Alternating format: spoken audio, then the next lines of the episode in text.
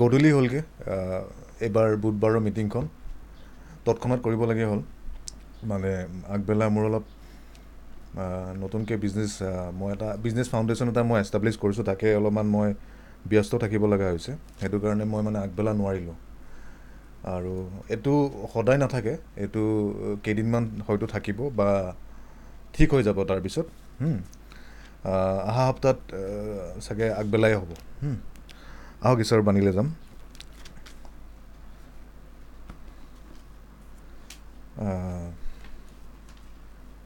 Matthew সাত Matthew সাত পোন্ধৰৰ পৰা চাম মেথিউ সাত পোন্ধৰৰ পৰা। Beware of false prophets who come to you in sheep clothing মিছা মিছা ঈশ্বৰৰ দাগ মানে প্ৰফেটছ মানে ঈশ্বৰৰ দাগ বুলি ক'ব পাৰি। সাধাৰণ ভাষাত মিছা ঈশ্বৰৰ দাসৰ পৰা মানে ভুৱা দাসৰ পৰা ভুৱা ঈশ্বৰৰ দাসৰ পৰা কি থাকিব দিছে? সতৰ্ক হৈ থাকিব দিছে বাচি থাকিব দিছে। Who come to you in sheep clothing যোনে মেৰৰ কাপোৰ পিন্ধি আহে বাট ইনৱাৰ্ডলি দে আৰ ৰেভেনেছ উলছ কিন্তু ভিতৰত তেওঁলোকে ৰাণ কুকুৰ হয় বুলি কৈছে। তেওঁলোকে ৰাণ কুকুৰ হয়। ষোল্ল পদত লিখিছে মেথিউ সাত পোন্ধৰ আৰু পোন্ধৰৰ পৰা আমি চাই আছোঁ। বিছলৈকে চাম ষোল্ল পদত লিখিছে you will know' them by their fruits তেওঁলোকৰ ফলৰ পৰা তেওঁলোকক চিনি পাবা। Do men gather grapes from thorn bushes মানুহে জানো আং আঙুৰ কাইটীয়া গছৰ পৰা জানো ছিঙে বা ডিমৰু কাইটীয়া জংঘলৰ পৰা জানো ছিঙে। সোতৰ পদ even so' every good tree bears good fruit but a bad tree bears bad fruit তেনেকৈ ভাল গছে ভাল ফল উৎপন্ন কৰে আৰু বেয়া গছে বেয়া ফল উৎপন্ন কৰে।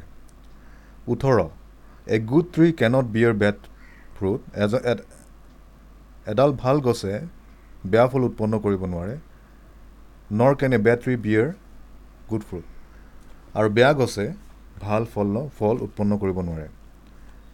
Every tree that does not bear good fruit is cut down and thrown into the fire আৰু প্ৰত্যেক গছ যোনে ভাল ফল উৎপন্ন কৰিব নোৱাৰে তাক কাটি পিনে জুইত পেলাই দিয়া হয়। বিছ পদ therefore by their fruits you will know' them আৰু তেওঁলোকৰ ফলৰ যোগেদি তোমালোকে তেওঁক জানিবা। চ' মিছা মিছা মিছা ভুৱা দাসৰ ভুৱা দাসৰ বিষয় প্ৰভু যীশুখ্ৰীষ্টই মেথিউ হাততে কৈছে কিয়? বহুত ডাঙৰ কথা এটা আছে। পুৰণি নিয়মত আমি চাওঁ যে বহুত ভুৱা দাস আছিলে আৰু বহুতে কি কৰিছিলে ঈশ্বৰৰ ৰাস্তাটো ঠেক ঈশ্বৰৰ ৰাস্তাটো বন্ধ কৰি দিছিলে। পুৰণি নিয়মৰ পৰা যীশুখ্ৰীষ্ট যেতিয়া জন্ম হৈছিলে জেৰুচালেমত তেতিয়ালৈকে তাৰ পিছলৈকে এতিয়াও ভুৱা দাগ পৃথিৱীত ভৰি আছে। আৰু ভুৱা ঈশ্বৰৰ দাগবিলাক ফল্ছ প্ৰফেটছবিলাক তেওঁলোকে সদায় মেৰৰ কাপোৰ পিন্ধে। মানে মেৰৰ কাপোৰ কি হয়? ঈশ্বৰৰ ধাৰ্মিকতা। আমি যীশুখ্ৰীষ্টৰ মেৰ হয়। যীশুখ্ৰীষ্ট আমাৰ মেৰ পালক হয়। তেওঁ মুখ্য পালক হয়। চেফাৰ্ড দ্য গুড চেফাৰ্ড বুলি কয়। আৰু আমি তেওঁলোকৰ মেৰ হয়। আৰু আমাক কি পিন্ধাইছে? ঈশ্বৰে তেওঁৰ ধাৰ্মিকতাটো পিন্ধাইছে। চ' ভুৱা দাসৰ এটা চাইন কি হয়? তেওঁলোকে মেৰৰ কাপোৰ পিন্ধা নিচিনা দেখুৱায়। তেওঁলোকৰ তাত ঈশ্বৰৰ ধাৰ্মিকতা আছে যেন দেখুৱায় তেওঁলোকে।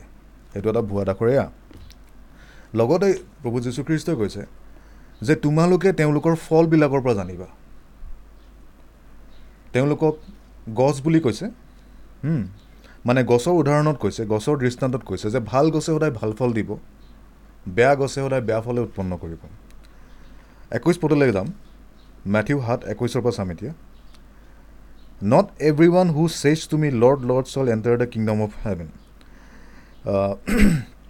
প্ৰত্যেকজনে যোনে প্ৰভু প্ৰভু কয় তেওঁলোকে ঈশ্বৰ ৰাজ্যত প্ৰত্যেকজন যোনে প্ৰভু প্ৰভু বুলি মোক মাতে তেওঁলোকে ঈশ্বৰ ৰাজ্যত প্ৰৱেশ কৰিব নোৱাৰে। But he who does the will of my Father in heaven কিন্তু যোনজনে মোৰ দেউতাৰ ইচ্ছা পূৰণ কৰে তেওঁ ঈশ্বৰৰ ৰাজ্যত সোমাব পাৰে।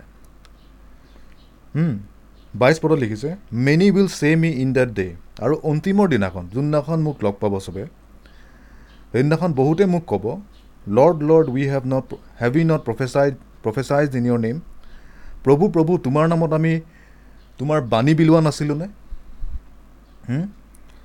cast out demon in your demons in your name তোমাৰ নামত আমি ভূত প্ৰেত খেলাইছিলোঁ and done many wonders in your name আৰু তোমাৰ নামত আমি বহুত আশ্চৰ্য আশ্চৰ্য কাৰ্যবিলাক কৰিছিলোঁ। তেইছ পদত লিখিছে and then I will declare to them আৰু তেওঁলোকক মই ক'ম। তেওঁলোকক মই উত্তৰ দি ক'ম আই নেভাৰ নিউ ইউ মই তোমালোকক কেতিয়াও চিনিয়ে পোৱা নাই। কেতিয়াও মই তোমালোকক জনাই নাছিলোঁ। ডিপাৰ্ট ফ্ৰম মি মোৰ ওচৰৰ পৰা গুচি যোৱা। ইউ হু প্ৰেক্টিছ ললেছনেছ তোমালোকে অধাৰ্মিকতা প্ৰেক্টিছ কৰিছা। এমেন তাৰমানে ভুৱা দাসে মিৰেকলছ কৰিব পাৰে। ভুৱা দাসে মিৰেকলছ কৰিব পাৰে। ভুৱা দাসে ডাঙৰ ডাঙৰ মিৰেকলছ কৰিব পাৰে কাৰণ কি তেওঁলোকে প্ৰভু যীশুখ্ৰীষ্টই এটা প্ৰফেচিত আগৰ বিষয়ে কথা কৈ আছে আহি থকা সময়ৰ বিষয়ে কৈ আছে যে ভুৱা দাসবিলাকে ক'ব প্ৰভু প্ৰভু আমি তোমাৰ নামত প্ৰচাৰ কৰিছিলোঁ আমি তোমাৰ নামত ভূত প্ৰেত খেদিছিলোঁ আমি তোমাৰ নামত বহুত আশ্চৰ্য আশ্চৰ্য কাৰ্য কৰিছিলোঁ। কিন্তু ঈশ্বৰ প্ৰভু প্ৰভু যীশুখ্ৰীষ্টই কি উত্তৰ দিছে মই তোমালোকক চিনিয়ে নাপাওঁ তোমালোকে অধাৰ্মিকতা প্ৰেক্টিছ কৰিলা গোটেই জীৱনটো। এমেন চ' অধাৰ্মিকতা কি হয়? লোৱা বস্তু যোৱা সপ্তাহত ছানডে আমি চাইছিলোঁ যে এজন ভুৱা দাসক কেনেকৈ চিনি পাব পাৰি? মই কেইটামান পইণ্ট কৈছিলোঁ।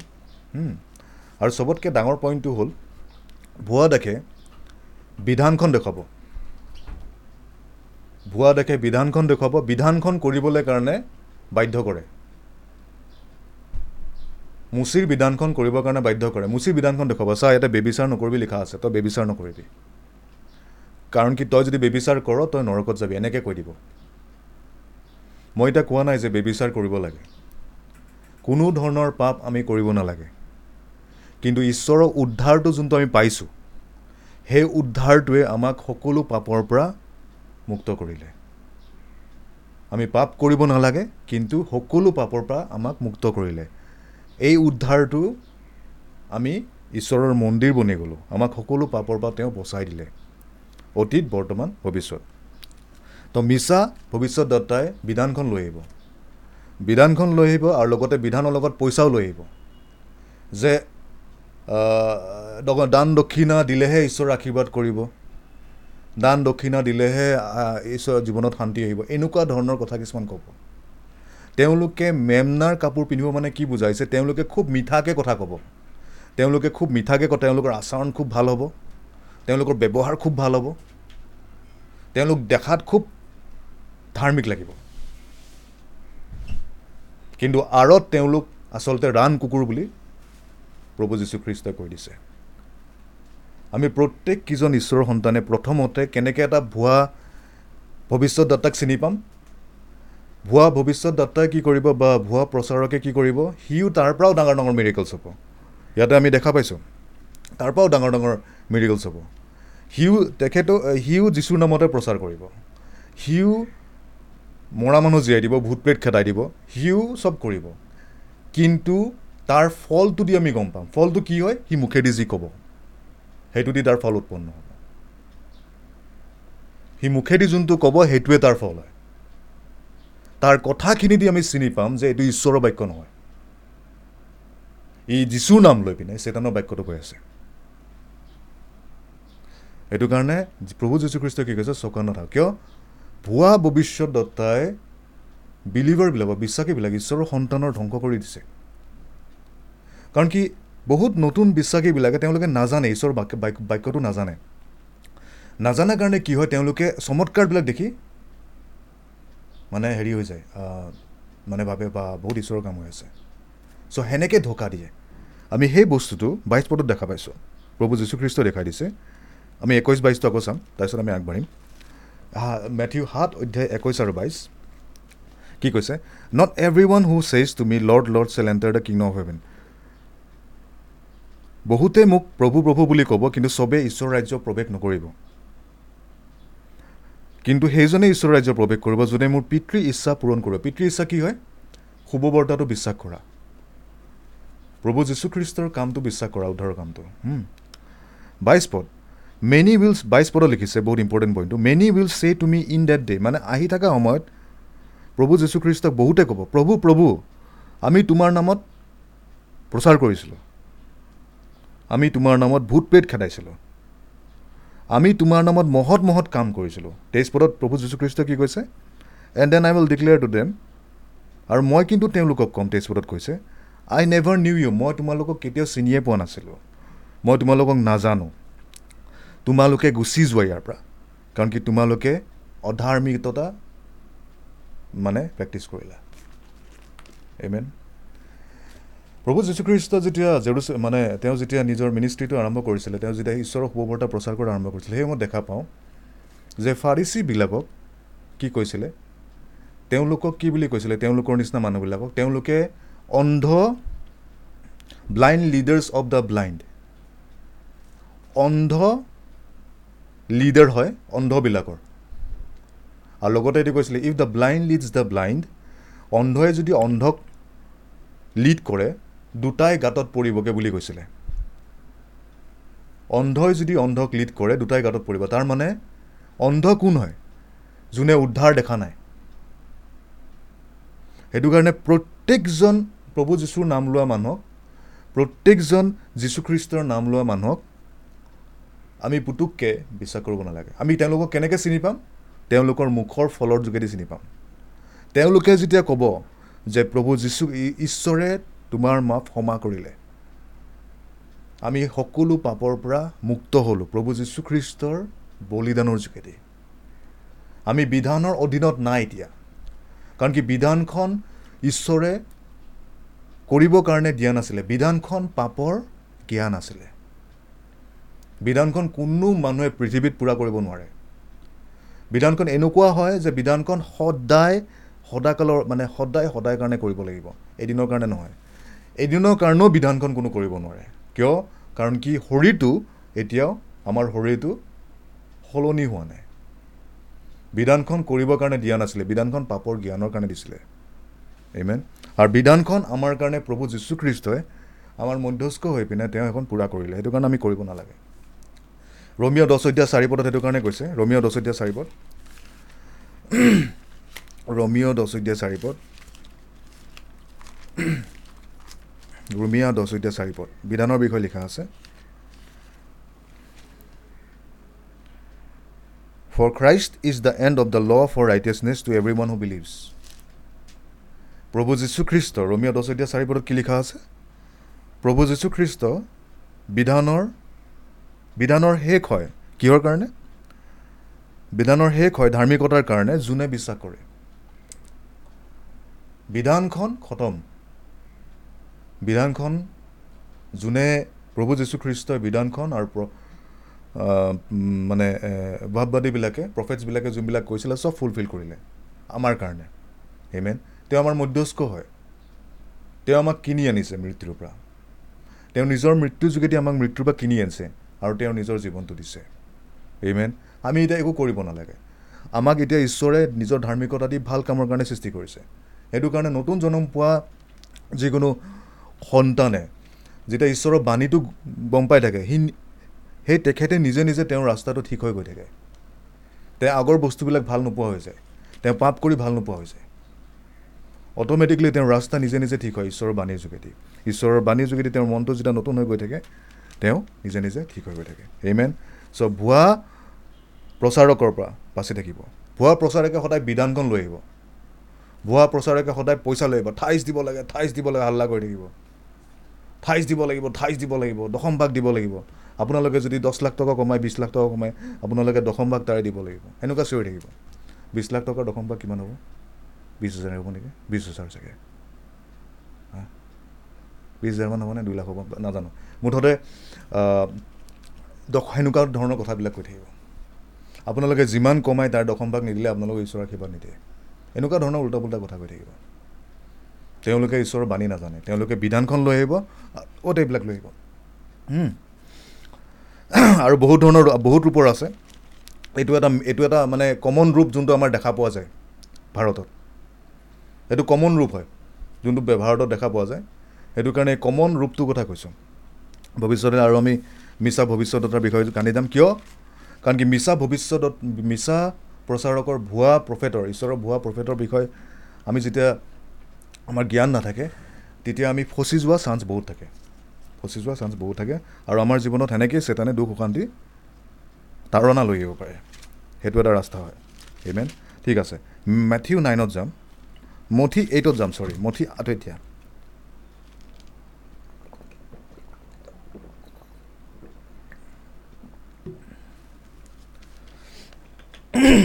চবকে গুড ইভিনিং আৰু চবকে ৱেলকাম ক'বলৈ চাগে পাহৰি গৈছোঁ মই।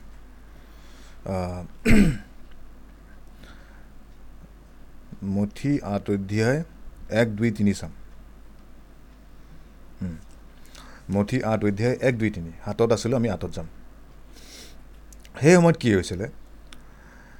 When he had come down from the mountain পাহাৰৰ পৰা যেতিয়া তেওঁ গুচি আহিলে গ্ৰেট মাল্টিলিউজ ফল'ড হিম বহুত মানুহে শ শ মানুহে প্ৰভু যীশুখ্ৰীষ্টৰ পিছত আহি আছিলে।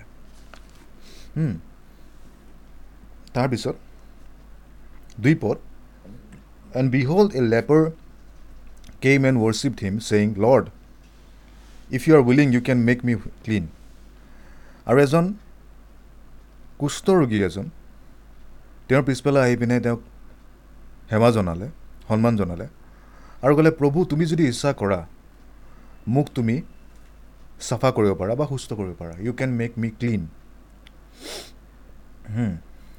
এতিয়া এই লেপ এই কুষ্ঠ ৰোগীজনৰ আঠ অধ্যায় দুই পদৰ কুষ্ঠ ৰোগীজনৰ আমি মনৰ এটা কথা চিনি গম পাওঁ এটা দেখা পাওঁ। কুষ্ঠ ৰোগীজনৰ ঈশ্বৰৰ ঈশ্বৰৰ প্ৰতি এটা ভুল ধাৰণা এটা আছিলে। কাৰণ কি কুষ্ঠ ৰোগীজনে আহি পিনে প্ৰভু যীশুখ্ৰীষ্টক কি সুধিছে তুমি যদি বিচাৰা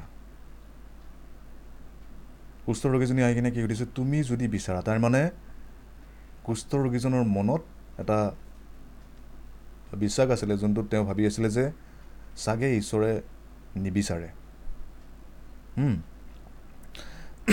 তাৰপিছত এই ইয়াতে এটা বিশেষ বস্তু এটা আমি দেখা পাওঁ। কিহৰ কাৰণেনো কুষ্ঠ ৰোগীজনেও এনেকৈ ভাবিছিলে ঈশ্বৰৰ বিষয়ে? সদায় যেতিয়া মিছা আমি মিছা শিক্ষা মিছা ভৱিষ্যতত মিছা প্ৰচাৰকে ভুৱা প্ৰচাৰকে মিছা শিক্ষা পয়জনটো ফেলায় আৰু সেই পয়জনৰ যোগেদি মানুহ ট্ৰেপ হৈ থাকে। আৰু সেইটো হ'ল চেতানৰ কাম এটা। ট্ৰেপ হৈ থাকে তেওঁলোকে সদায় ভাবি থাকে ঈশ্বৰ কিজানি মোৰ ওপৰত খং উঠি আছে। চাগে মই বহুত কিবা পাপ কৰিছোঁ। চাগে মই অফাৰিং দিয়া নাই দান দক্ষিণা দিয়া নাই চাগে। নাই মই বহুত বহুত মই চাফা নহয় মই বহুত লেতেৰা হয়। মই ঈশ্বৰৰ ওচৰত যাব নোৱাৰোঁ মই যোগ্য নহয়।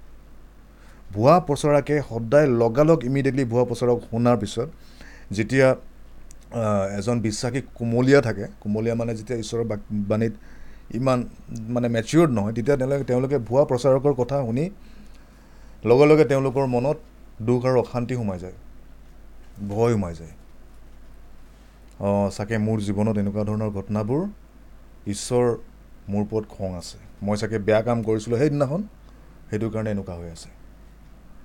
চ' সদায় আৰম্ভণিৰ পৰা চৈতানৰ এটাই কাম ঈশ্বৰৰ বাণীৰ যোনটো ইণ্টিগ্ৰিটি হয় ঈশ্বৰৰ বাণীৰ যোনটো সত্য হয় সেই সত্যটোক এটেক কৰে। আৰম্ভণিৰ পৰাই আমি বাগিচাত দেখা পাইছোঁ। আদি পুস্তক তিনি অধ্যায়ত দেখা পাইছোঁ।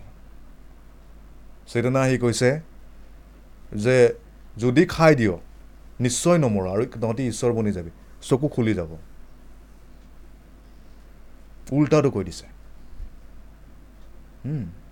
চ' মই কৈছিলোঁ যে আমাৰ যোনটো আমাৰ যোনটো মাইণ্ডছেট হয় কেইদিনমান আগত কৈছিলোঁ আমাৰ যোনটো মনৰ ছেটিং হয় সেই মনৰ ছেটিংটো বহুত দৰকাৰ হয় ঈশ্বৰৰ পোহৰটো দেখিবৰ কাৰণে। যদি মনৰ ছেটিঙত গণ্ডগোল আছে কেনেবাকৈ ঈশ্বৰৰ পোহৰটো হিন্দ্ৰে হিন্দাৰ হয়। মানে বাধা হয়। আৰু এই মনৰ ছেটিংটো ঈশ্বৰৰ সত্যৰ বাণীৰ যোগেদিহে ঠিক হয়। কোনোৱে মিছা শিক্ষা শুনি মনৰ ছেটিং ঠিক কৰিব নোৱাৰে। নোৱাৰে। কাৰণ কি প্ৰভু যীশুখ্ৰীষ্টই নিজে কৈছে তুমি সত্যটো জানিবা সত্যই তোমাক স্বতন্ত্ৰ কৰিব। তাৰমানে উল্টাটো যদি আমি জানো তুমি মিছাটো জানিলে মিছাই তোমাক বান্ধি দিব। তুমি যদি মিছাটো জানা সত্য এটা সত্য এটা ইনফৰ্মেশ্যন হয় সত্য এটা ইনফৰ্মেশ্যন হয় মিছাটো এটা ইনফৰ্মেশ্যন হয়।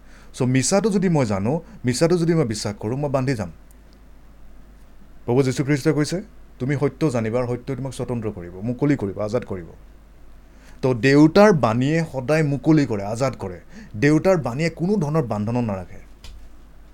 পৃথিৱীৰ পিতৃবিলাকৰ বাণী শুনিয়ে কোনো ল'ৰা ছোৱালী মানে সঠিক পিতৃ পিতৃৰ কথা কৈছোঁ মাক যোন যাৰ দেউতাক যা যোনবিলাক দেউতাক নম্ৰ হয় যোনবিলাক দেউতাক জ্ঞানী হয় তেওঁলোকে কেতিয়াও নিজৰ সন্তানক বান্ধনত নেপেলায়। চ' পৃথিৱীৰ দেউতাক যদি ইমান ভাল হ'ব পাৰে স্বৰ্গীয় পিতৃ কিমান ভাল হ'ব পাৰে তাতকৈ চ' দেউতাৰ কথাই সদায় আমাক মুকলি কৰি দিয়ে। দেউতাৰ কথাটোতে দেউতাৰ শক্তিটো সোমাই আছে। চবতকৈ ইম্পৰ্টেণ্ট পইণ্ট এইটো হয়। ঈশ্বৰৰ বাণীটোতে ৱৰ্ড অফ গডটোতে ঈশ্বৰৰ শক্তিটো সোমাই আছে। ঈশ্বৰৰ বাণীটোত ঈশ্বৰৰ শক্তি সোমাই আছে। যেতিয়া ঈশ্বৰৰ বাণীটো প্ৰকাশিত হয় যেতিয়া ফেল'শ্বিপ হয় কিবা হয় তেতিয়া ঈশ্বৰৰ শক্তিটো প্ৰকাশিত হয়। আমি দেখা পাওঁ বা নাপাওঁ। আইমেন কেথৰিন কুলমেন বুলি এজন আছিলে বহুত মানে কেনি থেকেন বুলি এজন আছিলে পাপা কেনি থেকেন বুলি এজন ঈশ্বৰ দাস আছিলে বহুত সঠিক ঈশ্বৰ দাস। সেই সময়ত নাইনটিন তেওঁ কেনি থেকেন ৰিচেণ্টলি ঢুকাইছে টু থাউজেণ্ড থ্ৰী হ'ব। আৰু তাৰ আগতে নাইনটিন ছিক্সটি ছেভেণ্টি মানত আছিলে এজন কেথৰিন কুলমেন বুলি। আৰু কেথৰিন কুলমেন কেথৰিন কুলমেন মাইকী মানুহ আছিলে। কেথৰিন কুলমেনে এদিন এনেকৈ মানে হিলিং ছাৰ্ভিচ কৰি আছিলে আমাৰ নিচিনাকৈ। আৰু কেথৰিন কুলমেনৰ হিলিং ছাৰ্ভিচত কি হৈছিলে এজন এজন মেথডিষ্ট মেথডিষ্ট মানে মেথডিষ্ট চাৰ্চ এটা আছে যেনেকৈ কেথলিক চাৰ্চ আছে বেপ্টিষ্ট চাৰ্চ আছে মেথডিষ্ট চাৰ্চ আছে। মেথডিষ্ট চাৰ্চৰ এজন পাষ্টৰ ছয়ত্ৰিছ বছৰ ছয়ত্ৰিছ বছৰ প্ৰচাৰ কৰি আছে থাৰ্টি ফ'ৰ ইয়াৰ্ছ ঈশ্বৰৰ বাণী বিলাই আছে। আৰু তেওঁৰ পিঠিত তেওঁৰ পিঠিত কি হৈছিলে? তেওঁৰ পিঠিত শ্লিপ ডিস্ক বুলি যে কয় শ্লিপ ডিস্কৰ প্ৰব্লেম আছিলে। শ্লিপ ডিস্ককেইখন বেয়া হৈ গৈছিলে। এনেকুৱা বেয়া হৈছিল যে তেওঁ ৰাতিকে শুলে যদি অলপমান ভুলকৈ যদি ঘূৰি দিয়ে তেতিয়াহ'লে তেওঁ হস্পিটেলত ছয়মাহ থাকিব লগা হৈছে সেই পাষ্টৰজন ৰাতিকেও যদি শুৱতে যদি অলপ ভুলকৈ ঘূৰি দিলে মানে ৰাজহাড় শ্লিপ ডিস্কটো ৰাজহাড়ত থাকে। ওচ- সেইখিনিত শ্লিপ ডিস্ক থাকে। তো অলপ যদি ঘূৰি দিয়ে তেতিয়া যদি ভুলকৈ ঘূৰি দিলে তেনেহ'লে ছয়মাহ হস্পিটেলত থাকিব লাগিব। ছয়মাহৰ পৰা সাত মাহ আহিব নোৱাৰে। আকৌ অপাৰেশ্যন কৰিব লাগিব। আকৌ কিবা কিবি বহাব লাগিব সেনেকুৱা। তো এই পাষ্টৰজনৰ জীৱনটো একদম মানে হেৰি হৈ গৈছিলে। কেতিয়াবা কি হয় গাড়ীখন চলাই যায়। গাড়ীখন চলাই যেতিয়া যায় কেতিয়াবা কি হয় ইমানেই বিষ হয়। বিষত মানে মূৰলৈকে মূৰৰ বিষ হয় মূৰৰ বিষত দেখা নোপোৱা হৈ যায় ইমানেই বিষ হয়। মানে থাকিব নোৱাৰা হৈ যায়। তাৰপিছত নিজৰ ঘনীয়েকক ফোন কৰি মাতে যে আছো না আহ, পিনে মোক লৈ যা মই নোৱাৰোঁ আৰু চলাব গাড়ী। আৰু এইটো চাগে প্ৰায় বাৰ বছৰ এনেকুৱা হৈ আছিলে বাৰ বছৰৰ পৰা চৈধ্য বছৰ। ভাল হোৱা কোনো নাম নাছিলে। নিউৰলজিষ্টৰ ওচৰত গৈছিলে। বাৰত বাৰৰ পৰা চৈধ্য বছৰলৈকে এনেকৈ চলি আছে। আৰু প্ৰত্যেক দিনা এই পাষ্টৰজনৰ মানে বেমাৰটো বাঢ়ি গৈ আছিলে কমি যোৱা নাছিলে। পাষ্টৰজনৰ তাৰপিছত কি হ'ল কেথৰিন কুলমেন মানে সেই চহৰখনত আহিলে। তেতিয়া কেথৰিন কুলমেনৰ বয়স প্ৰায় মই জনাত ছিক্সটিমান হ'ব চাগে।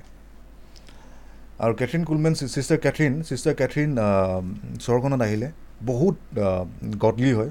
বহুত গডলি হয় বহুত ঈশ্বৰৰ আত্মাৰ মানে মেনিফেষ্টেশ্যনত তেওঁ কাম কৰিছিলে। তেওঁ এনেকুৱা আছিলে যে তেওঁ ৰাস্তা দি যেতিয়া যায় কেতিয়াবা যেতিয়া মলত যায় তেতিয়া মানুহবিলাক নিজে নিজে শ্লেন ইন দ্য স্পিৰিট হৈ যায়। ৰাস্তা এনে খোজকাঢ়ি গ'লে ইমানে ষ্ট্ৰং পাৱ মানে ঈশ্বৰৰ শক্তি দি মানে শ্লেন ইন দ্য স্পিৰিট মানে কেতিয়াবা যে আমি এনেকৈ পৰি যোৱা দেখা পাওঁ বেহুচ হোৱা টাইপ ঈশ্বৰৰ শক্তিয়ে যে এনেকৈ মানুহটোক হেৰি কৰি দিয়ে কাবু কৰি লয়। চ' কাবু কৰিলে মানে ভাল কামটো কৰে আৰু সেইটো কৈছোঁ মই। কণ্ট্ৰল চ' তেওঁ মানে কেতিয়াবা মলত খোজকাঢ়ি গ'লে মানে ক'ৰবাত বজাৰ চজাৰ কৰিব গ'লে মানুহবিলাক ধাপ ধাপকৈ পৰি যায় একো কৰিবই নালাগে। এনেকুৱা ধৰণৰ তাৰ মানে হেৰি আছিলে। খুব মানে ঈশ্বৰৰ লগত খুব ক্ল'জ আছিলে। আৰু সেইটো তেওঁৰ প্ৰাৰ্থনাৰ যোগেৰে প্ৰাৰ্থনাৰ জীৱনৰ যোগেদি আৰম্ভ হৈছে। এদিনত হোৱা নাই। তেওঁ খুব প্ৰাৰ্থনা কৰিছিলে। খুব অন্য ভাষাত প্ৰাৰ্থনা কৰিছিলে। ঈশ্বৰৰ ভাষাত অন্য ভাষা নহয় ঈশ্বৰৰ ভাষাত তাৰপিছত কি হ'ল? এই পাষ্টৰজন তাত বহি আছিলে। মিটিংখনত বহি আছে। বহি থাকোঁতে এনেকুৱা লাগিছে পাষ্টৰজনে প্ৰথমবাৰ শুভবৰ্তাটো শুনিছে। পাষ্টৰ এজনে প্ৰচাৰ কৰি আছে। আৰু তেওঁ এনেকুৱা লাগিছে শুভবৰ্তাটো যেন তেওঁ প্ৰথম শুনা পাইছে আগতে শুনাই নাই। তাৰমানে ভুল শুভবৰ্তা শুনি আছিলে। আৰু পাষ্টৰজন কি হ'ল সেই সময়তে যিহেতু প্ৰচাৰটো চলি আছিলে তেওঁ কেতিয়াও ঈশ্বৰৰ শক্তি দেখাই নাই জীৱনত। সেইজন পাষ্টৰে চ' মেথডিষ্ট চাৰ্চ এনেকুৱা ধৰণৰ চাৰ্চবিলাক এনেকুৱা ধৰণৰ হয় মানে অলপ গোলমাল। মেথডিষ্ট চাৰ্চ তেওঁ ঈশ্বৰৰ শক্তি দেখা নাছিলে ঈশ্বৰৰ শক্তিৰ প্ৰকাশ মানে মেনিফেষ্টেশ্যন দেখা নাই। তেওঁ প্ৰথমবাৰ মানে তাতে ঈশ্বৰৰ শক্তিটো দেখা মানে হেৰি কৰিছে এক্সপিৰিয়েঞ্চ কৰিছে। আৰু সেই সময়তে কি কি হ'ল ছাডেনলি তেওঁৰ পিঠিত মানে ঠাণ্ডা বৰফ পৰি যোৱা নিচিনা লাগিলে মানে ৰাজহাড়ৰ এইখিনিত। আৰু তাৰ পিছতে তেওঁ গম পালে যে তেওঁ সুস্থ হৈ গ'ল। তেওঁ গম পাই গ'ল মানে। তেওঁ ঈশ্বৰৰ শক্তিটো এক্সপিৰিয়েঞ্চ কৰিলে। আৰু পিঠিত তেওঁৰ বৰফ পৰা যেন লাগিলে ঠাণ্ডা বৰফ আৰু তেওঁ সুস্থ হৈ গ'ল। চৈধ্য বছৰ পোন্ধৰ বছৰ। তাৰপিছত মই আজি মই দেখি আছিলোঁ সেই পাঁচটাজনৰ মই টেষ্টিমনিটো চাই আছিলোঁ। তেওঁ তাৰপিছত কেথৰিন ছিষ্টাৰ কেথৰিনৰ ওচৰত সেই কিবা এটা এনেকৈ কিবা এটা পিন্ধি থৈছিলে কমৰত। সেই কমৰটো লৈ আহিছে। এইটো মই চৈধ্য বছৰ পিন্ধিছোঁ। বোলে শুৱতেও পিন্ধিব লাগিব খোজকাঢ়োতেও পিন্ধিব লাগিব খালেও পিন্ধি থাকিব লাগিব পিন্ধিয়ে থাকিব লাগে। মই ইমান কষ্টত আছিলোঁ বোলে মই ভাবিছিলোঁ নাই আৰু নহ'ব আৰু। চাগে মই নাবাচিমে চ' ঈশ্বৰৰ শক্তিটো এনেকুৱা হয়। এই পাষ্টৰজনে যেতিয়া মিটিংখনত সোমাইছিলে একো ঈশ্বৰৰ শক্তি দেখা নাছিলে। চকু দি একো ঈশ্বৰৰ শক্তি দেখা নাই। আমি ঈশ্বৰৰ শক্তিক বিশ্বাস কৰোঁ। ঈশ্বৰৰ শক্তিক দৃষ্টি দি আমি নাচাওঁ। বহুত সময় ঈশ্বৰৰ শক্তি বহুত ষ্ট্ৰং ষ্ট্ৰং থাকিব হয় আমি ফিলো কৰিম। কিন্তু ঈশ্বৰৰ শক্তি মই সদায় কওঁ ফিল কৰোঁ বা নকৰোঁ পইণ্ট এইটো হয়। সত্য এইটো হয়। মই ফিল কৰোঁ বা নকৰোঁ ঈশ্বৰৰ শক্তি আছে অলৰেডি কেনেকৈ? প্ৰত্যেক বিশ্বাসীটো হ'ল দেউতাৰ সোঁ হাতখন। প্ৰত্যেক বিশ্বাসী হ'ল দেউতাৰ ঈশ্বৰৰ ঈশ্বৰৰ সন্তান। প্ৰত্যেক বিশ্বাসী ঈশ্বৰৰ মন্দিৰ হয়। আৰু উদ্ধাৰত কি হ'ল ঈশ্বৰৰ গোটেই শক্তিখিনি বিশ্বাসীটো তাত সোমাই গ'ল। যোনটো সময়ত এটা বিশ্বাসীয়ে শুভবাৰ্তাটো বিশ্বাস কৰে সেই সময়ত নতুন জনমটো পাই পাই দেউতাৰ তাত যি আছে গোটেইখিনিহে বিশ্বাসীটোৰ হৈ যায়। সেইটো কাৰণে এই ফেইথ আৰু হিলিং বিশ্বাস আৰু সুস্থতা এই যে মানে এই চিৰিজটো যে আমি আৰম্ভ কৰিছোঁ কিহৰ কাৰণে? যাতে আমি প্ৰত্যেকজনে ব্যক্তিগত ৰূপে কাৰো ওপৰত নিৰ্ভৰ নোহোৱাকৈ যেতিয়াই হওক যেনেকেই হওক আমি ঈশ্বৰৰ শক্তিটো যাতে আমাৰ জীৱনত প্ৰকাশিত কৰিব পাৰোঁ। সেইটো কাৰণে ডিটেইলছত আমি গৈ আছোঁ। আৰু মই অনুৰোধ কৰিম আপোনালোকে ডিটেইলছত আৰু বহুত এখন ভাল নম্ৰ কাণেদি ঈশ্বৰৰ বাণীটো শুনি গৈ থাকিব। হাণ্ড্ৰেড পাৰ্চেণ্ট ঈশ্বৰে যোনটো নিজৰ বাণীত প্ৰকাশিত কৰিছে সেইটো আপোনালোকে দেখা পাবই। উইদাউট সন্দেহ কোনো ডাউট নোহোৱাকৈ। তাৰপিছত এই আমি এটা উদাহৰণ পালোঁ। মেথডিষ্ট চাৰ্চৰ পাষ্টৰ এজন ছয়ত্ৰিছ বছৰ। তেওঁ শুভবৰ্তাটো নাজানে। তেওঁ নিজেই কৈছে যে মই সেইদিনাখনে নতুন জন্ম পাইছোঁ। মই যদিও প্ৰচাৰ কৰি আছিলোঁ মই সেইদিনাখনে নতুন জন্ম পাইছোঁ ছয়ত্ৰিছ বছৰ পিছত। তাৰ মানে মিছা শিক্ষাই কি কৰিব পাৰে মানুহৰ জীৱনত? এই ছয়ত্ৰিছ বছৰে পাষ্টৰজনে ফচি আছিলে কিহৰ কাৰণে? মিছা শিক্ষাৰ কাৰণে। মিছা শিক্ষাত ফচি আছিলে। যোনদিনাখন যোনদিনাখন তেওঁ এইটো গম পালে যে প্ৰভু যীশুখ্ৰীষ্টই তেওঁক উদ্ধাৰ কৰিছে তেওঁ ঈশ্বৰৰ মন্দিৰ হয় সেইদিনাখন তেওঁ মুকলি হৈ গ'ল। ঈশ্বৰৰ বাণীটো সঠিক ৰূপে আমি জনাটো আমাৰ দায়িত্ব ঠিক আছে? ঈশ্বৰৰ বাণীটো সঠিক ৰূপে ঈশ্বৰে জনাই আছে কিন্তু দায়িত্বটো আমাৰ হয়। যেতিয়া আমি গুৰুত্ব নিদিওঁ মই আকৌ কৈ আছোঁ যেতিয়া আমি গুৰুত্ব নিদিওঁ নহয় তেতিয়া আমি মিছা ভুৱা প্ৰচাৰকৰ হাতত ফচি যাওঁ। কাৰণ কি আমি সত্যটো নাজানো? সত্যটো যেতিয়া আমি নাজানো আমি চব বস্তুৱে সত্য বুলিয়ে ভাবোঁ। প্ৰভু যীশুখ্ৰীষ্টই যেতিয়া জেৰুচালেমত খোজ কাঢ়িছিলে তেতিয়া তেওঁ মানুহ হৈ আহিছিলে এতিয়াও মানুহ হৈ আছে ঈশ্বৰ যদিও হয় তেতিয়া প্ৰভু যীশুখ্ৰীষ্ট ৰজাৰ নিচিনা চেহেৰা নাছিলে। প্ৰভু যীশুখ্ৰীষ্ট একদম আকৰ্ষণীয় নাছিলে। বাণীয়ে প্ৰকাশিত কৰে। তেওঁ আকৰ্ষণীয় একদম মানে বা ঈশ্বৰ হয় ঈশ্বৰৰ সন্তান এনেকুৱা ধৰণৰ তেওঁ কোনো লোক নাছিলে। ঈশ্বৰৰ বাণীয়ে প্ৰকাশিত কৰিছে। কিহৰ কাৰণে? কাৰণ কি এই যোনটো আমি মানে যোনটো আমি পিন্ধি আছোঁ যোনটো আমি শৰীৰ পিন্ধি আছোঁ এই শৰীৰটো ক্ষয়নীয় শৰীৰ হয়। এইটো মহিমাযুক্ত শৰীৰটো নহয় যোনটো আমাৰ ভিতৰত অলৰেডি আছে। যোনদিনাখন ৰেপচাৰ হয় ৰেপচাৰ বুলি কয় ৰেপচাৰ যোনটো কয় ৰেপচাৰ মানে যোনদিনাখন ঈশ্বৰ আহিব আকৌ প্ৰভু যীশুখ্ৰীষ্ট আহিব আমাক নিবলৈ কাৰণে। সেইদিনাখন ভিতৰৰ পৰা আমি সেই মহিমাযুক্ত শৰীৰটো পাই যাম। যোনটো শৰীৰ সময় ধাতু কোনো বস্তুৱে ৰখাব নোৱাৰে। কোনো বস্তুৱে খহি দি মানে ক্ষন্য কৰি দিব নোৱাৰে। সেই শৰীৰটো অলৰেডি ভিতৰত আছে। সেইটো চবতকৈ সুন্দৰ শৰীৰ হয়। জগতে কি কয় যেতিয়া আমাৰ চেহেৰাটো অলপ হেৰি হয় হা আমি বগা চগা হওঁ কিবা হওঁ বা বহুত ধুনীয়া বুলি কয় সেই ভাষাটো জগতৰ হয় ঈশ্বৰৰ নহয়। এমেন হয় নে নাই? কোনোবা যদি বগা হয় মই যদি বগা হয় মোক যদি কয় বা কোনোবাই বহুত হেৰি বুলি ভাবে কোনোবা যদি ক'লা হয় মিঠা বৰণীয়া হয় কিবা হয় তেওঁলোকক যদি দেখাত বেয়া বুলি কয় তেনেহ'লে আমি জগতৰ ভাষা কৈ আছোঁ। ঈশ্বৰৰ নহয়। এনিৱে চ' ইয়াতে কি হৈছিলে লেপ লেপাৰজন মানে যোনজন কুষ্ঠ ৰোগী আছিলে কুষ্ঠ ৰোগীজনে ঈশ্বৰক নাজানিছিলে সেইটো কাৰণে সুধিছিলে। বহুত দুখত কিজানি সুধিছিলে সুধিবই লাগিব দুখতে সুধিব তেওঁৰ কাৰণ কি কুষ্ঠ ৰোগী আছিলে। লেপৰ লেপ্ৰচি বেমাৰটো এনেকুৱা হয় যোনটো যেতিয়া হয় মানুহৰ তিনি বছৰৰ পিছত হয়। আজি যদি কাৰোবাৰ লেপ্ৰচি হয় তিনি বছৰ পিছতহে গম পাব সি লেপ্ৰচি হৈছে বুলি। আৰু লেপ্ৰচি হওঁতে বগা দাগ এটা হ'ব চাম প্ৰথমতে শৰীৰৰ বগা দাগ এটা আহে। এনেই বগা টাইপ। তাৰপিছত কি হয় লাহে লাহে চেঞ্চবিলাক নাইকিয়া হয় শৰীৰৰ। নাক চাকবিলাক খুলি যায় চকু এইবিলাক খুলি যায় কিবা কিবি আঙুলি চাঙুলি খুলি যায় আৰু বিষ নহয়। আৰু খুব গোন্ধায় বৰ বিৰাট গোন্ধায় লেপ্ৰচি হোৱা মানুহ। আমাৰ মাদাৰ টেৰেছাই লেপ্ৰচি মানুহবিলাকৰ লগত খুব বহিছিলে খুব হেৰি কৰিছিলে লেপ্ৰচি মানুহ। কিন্তু মাদাৰ টেৰেছা কেতিয়াও লেপ্ৰচি নহ'ল। ঈশ্বৰৰ শক্তি দেখিছোঁ? লেপ্ৰচি মানুহ যদি পোজটো যদি পৰি থাকে আৰু বাইচান্স যদি মই ভৰিটো তাতে গচকি দিওঁ ভুলতে বা তাৰ পোজৰ অলপমান যদি মোৰ গাত লাগি যায় মোৰ লেপ্ৰচি হৈ যাব। মই মোৰ ভিতৰত সোমাবই নালাগে। কুষ্ঠৰোগ বেমাৰটো বহুত বহুত বহুত হেৰি হয়। ইভেন মোৰ যোনজন ছিনিয়ৰ পাষ্টাৰ আছিল যাৰ যোগেদি মই শুভবাৰ্তা শুনি পিনে নতুন জনম পাইছিলোঁ পাষ্টাৰ অক্সু পাৰ্ক তেখেতে লেপ্ৰচি কেম্পত যায়। লেপ্ৰচি কেম্পত শুভবাৰ্তা প্ৰচাৰ কৰে। এদিন লেপ্ৰচি কেম্পত শুভবাৰ্তা প্ৰচাৰ কৰি আছে লেপ্ৰচি মানুহজনে খুব চাই আছে। কৈছে পাষ্টৰ আপোনাৰো লেপ্ৰচি আছে নেকি? আপুনি যে আমাৰ মাজত ইমান মিলি থাকে? তেতিয়া পাষ্টৰে কি কয় মই মইতো এতিয়ালৈকে নাজানো তিনি বছৰ পিছত গম পাম। চ' কিন্তু তিনি বছৰ পিছতো পাষ্টৰ প্ৰাকৰ একো লেপ্ৰচি নহ'ল।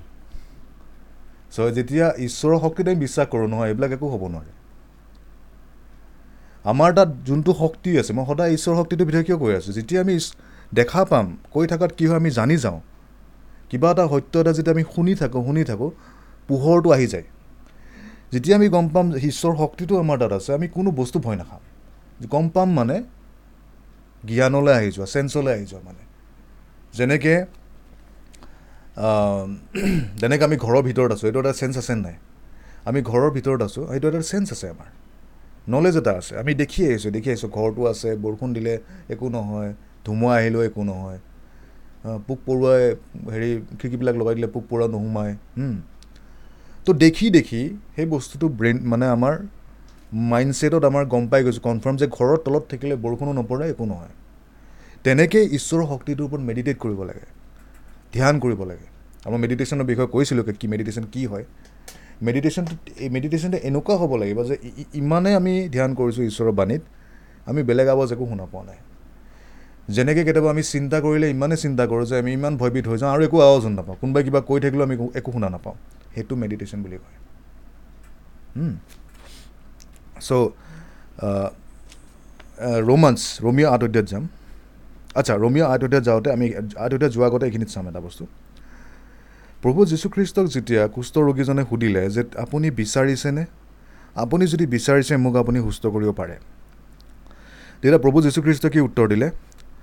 Then Jesus put out his hand and touch him আৰু যীশুখ্ৰীষ্টই নিজৰ হাতখন দি কুষ্ঠ ৰোগীজনক চুলে আৰু ক'লে I am willing be cleansed মই বিচাৰিছোঁ। চাফা হৈ যা বা সুস্থ হৈ যা। আৰু লিখা আছে immediately his leprosy was clean তৎক্ষণাত তাৰ কুষ্ঠৰোগটো ঠিক হৈ গ'ল।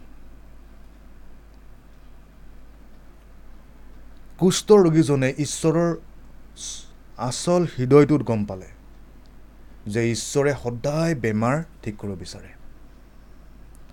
ঈশ্বৰে বেমাৰ আজাৰ নিদিয়ে কিন্তু ঠিক কৰিব বিচাৰে।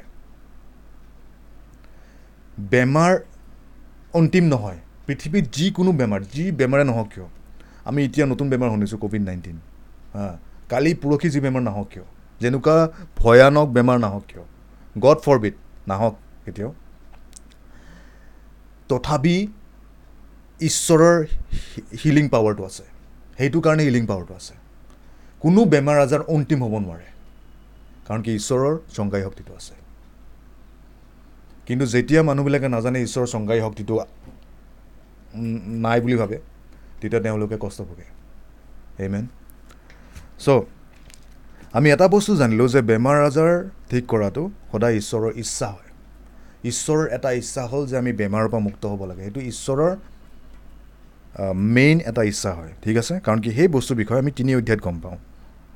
মেথিউত আঠ অধ্যায় তিনিত আমি গম পালোঁ য'ত প্ৰভু যীশুখ্ৰীষ্টই ক'লে যে মই বিচাৰিছোঁ তুমি সুস্থ হোৱা। মই বিচাৰিছোঁ। এক্স পাচনি কৰ্ম দহ অধ্যায়। দহ অধ্যায় ধাৰাতে আঠত্ৰিছ পদ।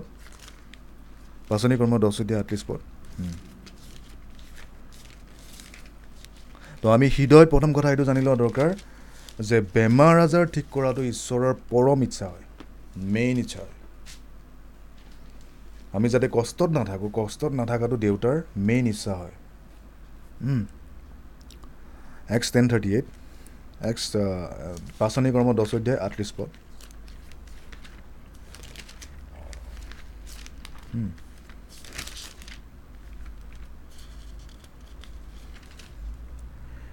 কি লিখা আছে দহ অধ্যায় আঠত্ৰিছ পদত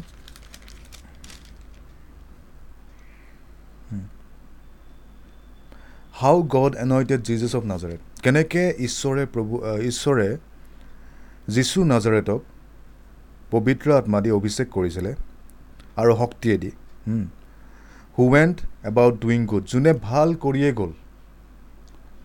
যোনে ভাল কৰিয়ে গ'ল and healing all who were oppressed by the devil আৰু চবকে সুস্থ কৰি গ'ল।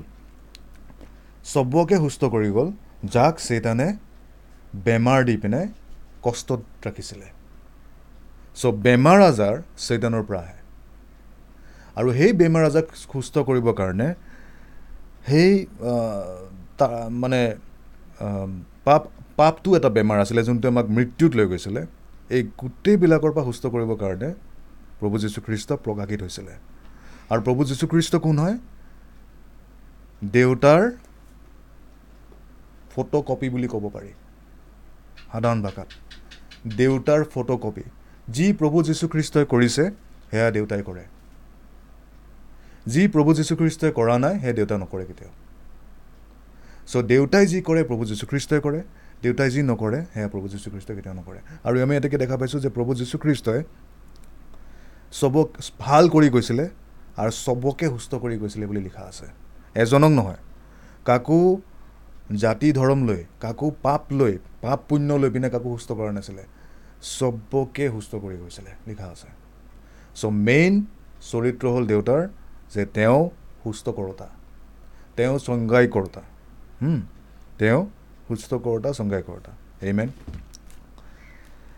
অঁ এতিয়া আমি দেখা পাইছিলোঁ যোৱা কেইটামান সপ্তাহৰ আগতে যে এগৰাকী মহিলা আছিলে যাৰ বাৰ বছৰৰ পৰা তেজ ওলোৱা বেমাৰ হৈ আছিলে। আৰু এই মহিলাগৰাকীয়ে মুখেদি কৈ আছিলে যে যদি মই প্ৰভু যীশুখ্ৰীষ্টৰ কাপোৰৰ আগটো চুই দিওঁ মই সুস্থ হৈ যাম। আৰু সেই বিষয়ে আমি অলপ অধ্যয়ন কৰিছিলোঁ। এতিয়া তাৰে ওচৰৰ পাজৰে আমি এটা আৰু এটা আমি ঘটনা চাই যাম। অলপ আৰু ভালকৈ ক্লিয়াৰ হ'বলৈ কাৰণে।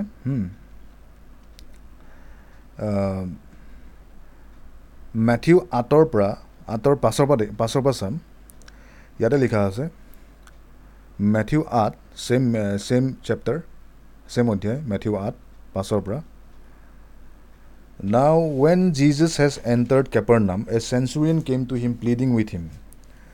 যেতিয়া যীশুখ্ৰীষ্ট কাপাৰনামত সোমালে তেতিয়া এজন চেঞ্চুৰিয়ান চেঞ্চুৰিয়ান মানে এজন ৰুলাৰ হয়। ৰুলাৰ মানে এজন এজন মানে অফিচিয়েল টাইপ অলপ অলপ ভাল পজিশ্যনত থকা অফিচিয়েল টাইপ হয়। তেওঁ আহিলে আহি পিনে ক'লে আহি পিনে তেওঁ অনুৰোধ কৰিলে ছয়পদ saying Lord my servant is lying at home paralyse dreadfully tormented প্ৰভু মোৰ দাসজন ঘৰত পেৰালাইজ হৈ পৰি আছে পেৰালাইচিছ হৈ পৰি আছে আৰু বহুত কষ্টত আছে। সাত পদত ক'লে প্ৰভু যীশুখ্ৰীষ্টই ক'লে সাত পদ Jesus said to him I will come and heal him যীশুখ্ৰীষ্টই ক'লে মই আহি তেওঁক সুস্থ কৰিম বুলি ক'লে। আঠ পদত লিখিছে the centurion answered and said Lord I am not worthy that you should come under my roof আৰু এই ৰুলাৰজনে ক'লে অফিচিয়েলজনে ক'লে ধৰি লওক যে প্ৰভু মই যোগ্য নহয় যে আপুনি মোৰ ছাতৰ তলত আহক। But only speak a word কিন্তু কি ক'লে? আপুনি খালী এষাৰ কথা কৈ দিয়ক। হুম। নাট পদত কৈছে আপুনি খালী এষাৰ কথা কৈ দিয়ক। And my servant will be heal আৰু মোৰ দাসজন কি হৈ যাব? সুস্থ হৈ যাব। তো এই অফিচিয়েলজনে কি ক'লে? যে আপুনি খালী এষাৰ কথা কৈ দিয়ক। এষাৰ কথা। এষাৰ কথাত আমি গুৰুত্ব কৰিম হে এষাৰ কথাত আমি গুৰুত্ব দিম। ন পদত কৈছে ফৰ আই এম এই অফিচিয়েলজনে কৈছে for I am a man under authority ময়ো এজন অধিকাৰৰ অধিকাৰত থকা এজন ব্যক্তি হয়। হেভিং চ'লজাৰ্ছ আণ্ডাৰ মি মোৰ তলত বহুত সেনা আছে। এণ্ড আই চে টু দিছ ওৱান গ' আৰু এজন সেনাক কওঁ তুমি যোৱা তালে। এণ্ড হি গ'জ আৰু তেওঁ গুচি যায়। এণ্ড টু আনাডাৰ কাম আৰু এজনক কওঁ তুমি আহি যোৱা আৰু তেওঁ আহি যায়। আৰু এজনক কওঁ তুমি এইটো কৰা আৰু তেওঁ কৰে। তো সেনাবিলাকৰ কথা কৈছে এই অফিচিয়েলজনে যে মোৰ বহুত সৈন্য আছে মোৰ তলত। আৰু এজনক কওঁ আহা তো আহি যায়। এজনক কওঁ যোৱা তো গুচি যায়। এজনক কওঁ এইটো কৰা। তো সেইজনে সেইটো কৰে। এই ৰুল এই অফিচিয়েলজনে প্ৰভু যীশুখ্ৰীষ্টক এইটো দেখুৱাই দিছে যে মোৰ কথাত যেনেকৈ শক্তি আছে মোৰ অধিকাৰত মোৰ জগতিক অধিকাৰত যোনটো শক্তি আছে তোমাৰ কথাটো সেইটো শক্তি মই দেখা পাইছোঁ।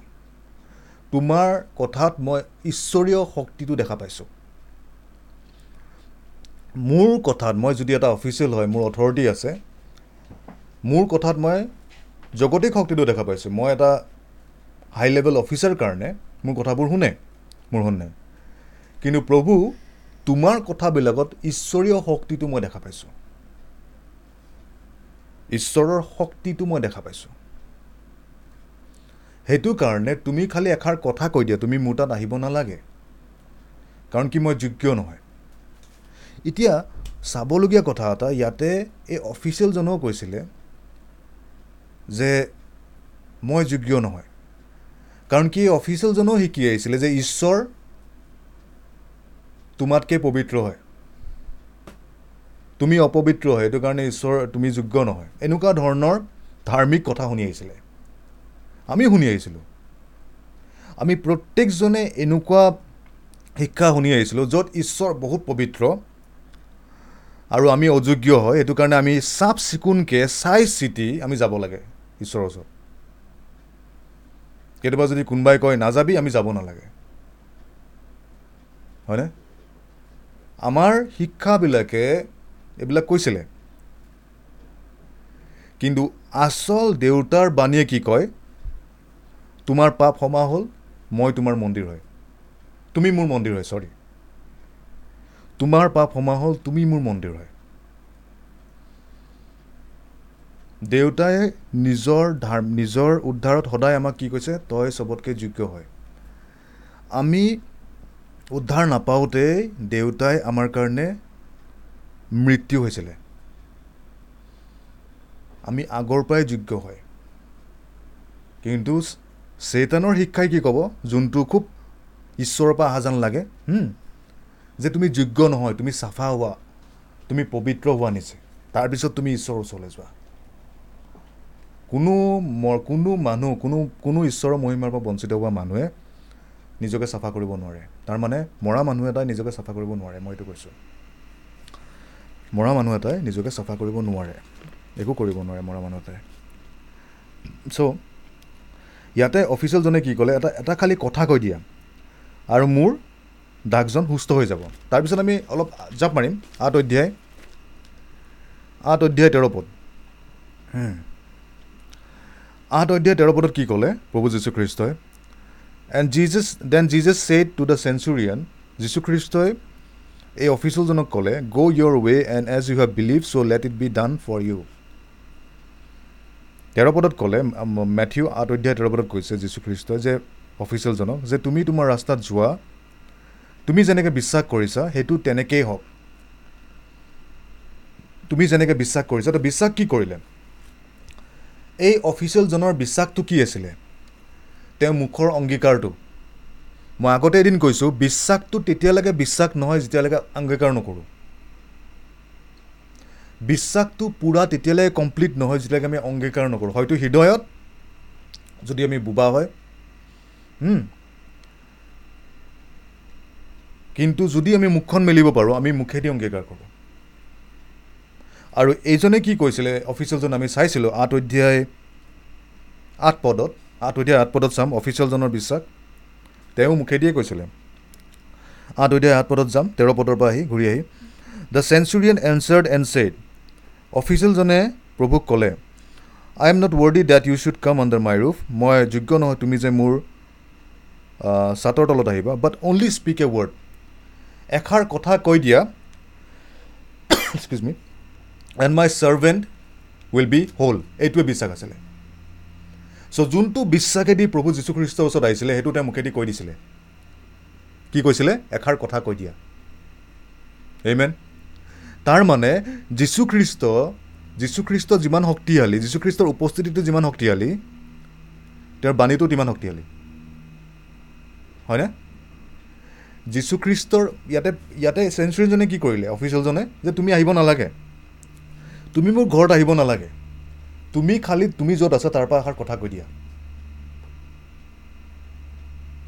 এইমেন এইটো বুজিবৰ কাৰণে জিচয়া জিচয়া পঁচপন্ন জিচয়া পঁচপন্ন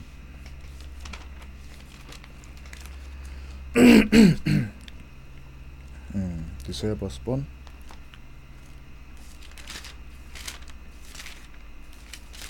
জিচয়া পঁচপন্ন অধ্যায় দহ পদ মই এটা বহুত গুৰুত্বপূৰ্ণ বস্তু এটা চাম এইটো বস্তু একদম বেচিক বস্তু।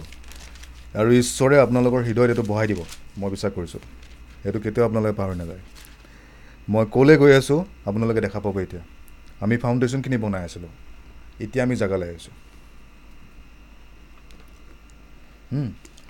ফাউণ্ডেশ্যন নবনোৱাকৈ ঘৰ নবনে হয়নে? ফাউণ্ডেশ্যন নবনোৱাকৈ কোনো ঘৰ নবনে। তো আমি ফাউণ্ডেশ্যন বনাব লাগিব প্ৰথমতে। যিচয়া পঁচপন্ন অধ্যায় দহ পদত লিখিছে। পাইছেনে যিচয়া আণ্টি? একো নাই আপুনি হেৰি কৰক পুৰণি নিয়মত আছে। একো নাই আপুনি বাক্যটো লিখি থওক মই অনুবাদ কৰি দিম। পুৰণি নিয়মত আছে যিচয়া অঁ জেৰে জেৰেমিয়া জেৰেমিয়াৰ আগত আছে। জেৰেমিয়া পাইছে? পঁচপন্ন অধ্যায় দহ পদ। পঁচপন্ন অধ্যায় দহ পদ মই ৰখি আছোঁ ওলাই লগটো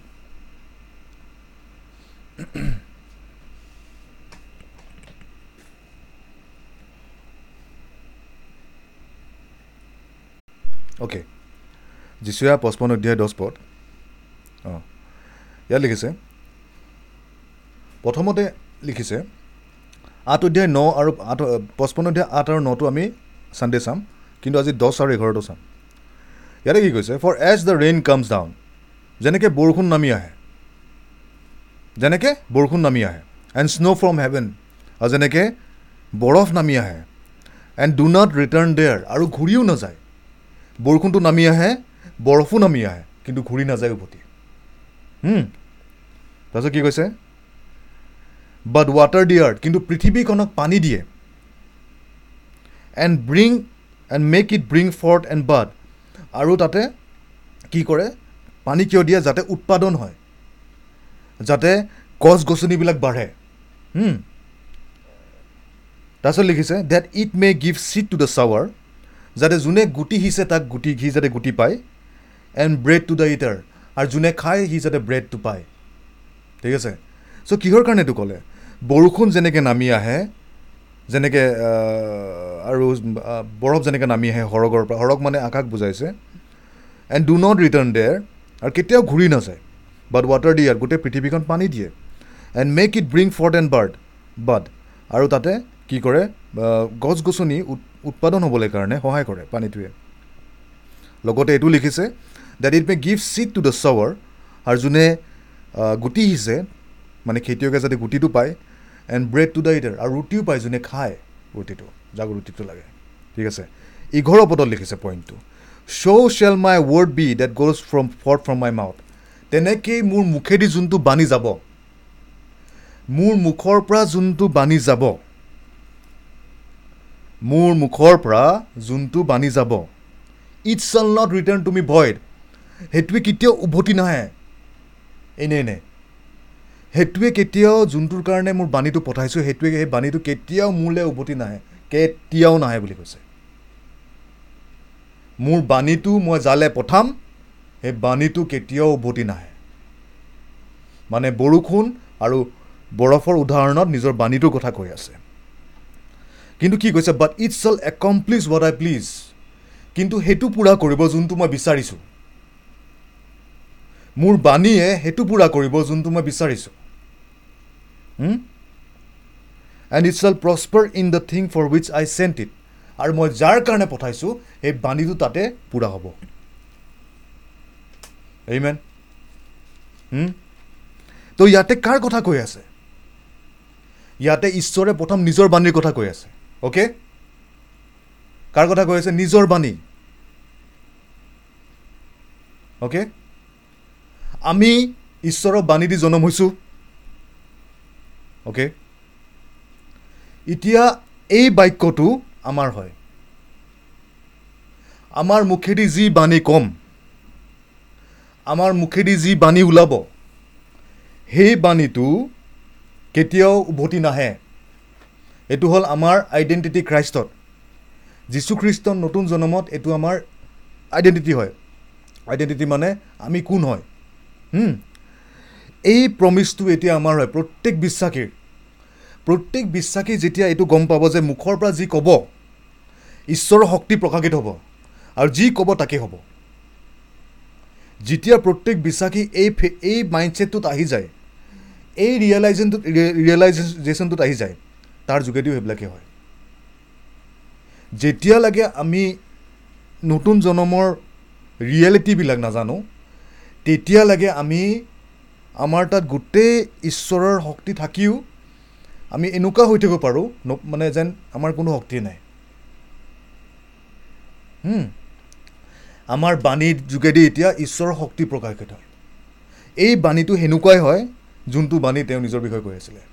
ঈশ্বৰৰ বাণী লগত যেতিয়া আমি মিলি দিওঁ আৰু আমি যেতিয়া কৈ দিওঁ সেইটোৱে হয়। সেইটো কাৰণে বহুতবাৰ আমি ক'তো যাই পিনে হিল নকৰোঁ নহয়। বহুতবাৰ মই এছ এম এছতো লিখি দিওঁ। বহুতবাৰ মই মুখেদি খালি ফোনত কৈ দিওঁ। মই সেইটোৱে দেখা পাইছোঁ। মই আগতে নাজানিছিলোঁ কিন্তু মই জানিলোঁ। চেঞ্চুৰিয়ানজনে কৈছিলে তুমি খালি এটা কথা কৈ দিয়া আৰু মোৰ দাগজন সুস্থ হৈ যাব। তেনেকেই হ'ল। চ' আমাৰ প্ৰত্যেককেইজনৰ বাণীত যেতিয়া আমি আমি ৰোমান্স চৰি মাৰ্ক ছিক্সটিনত যাম।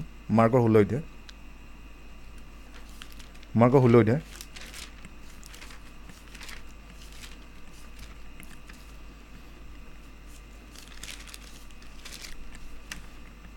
মাৰ্ক ছিক্সটিন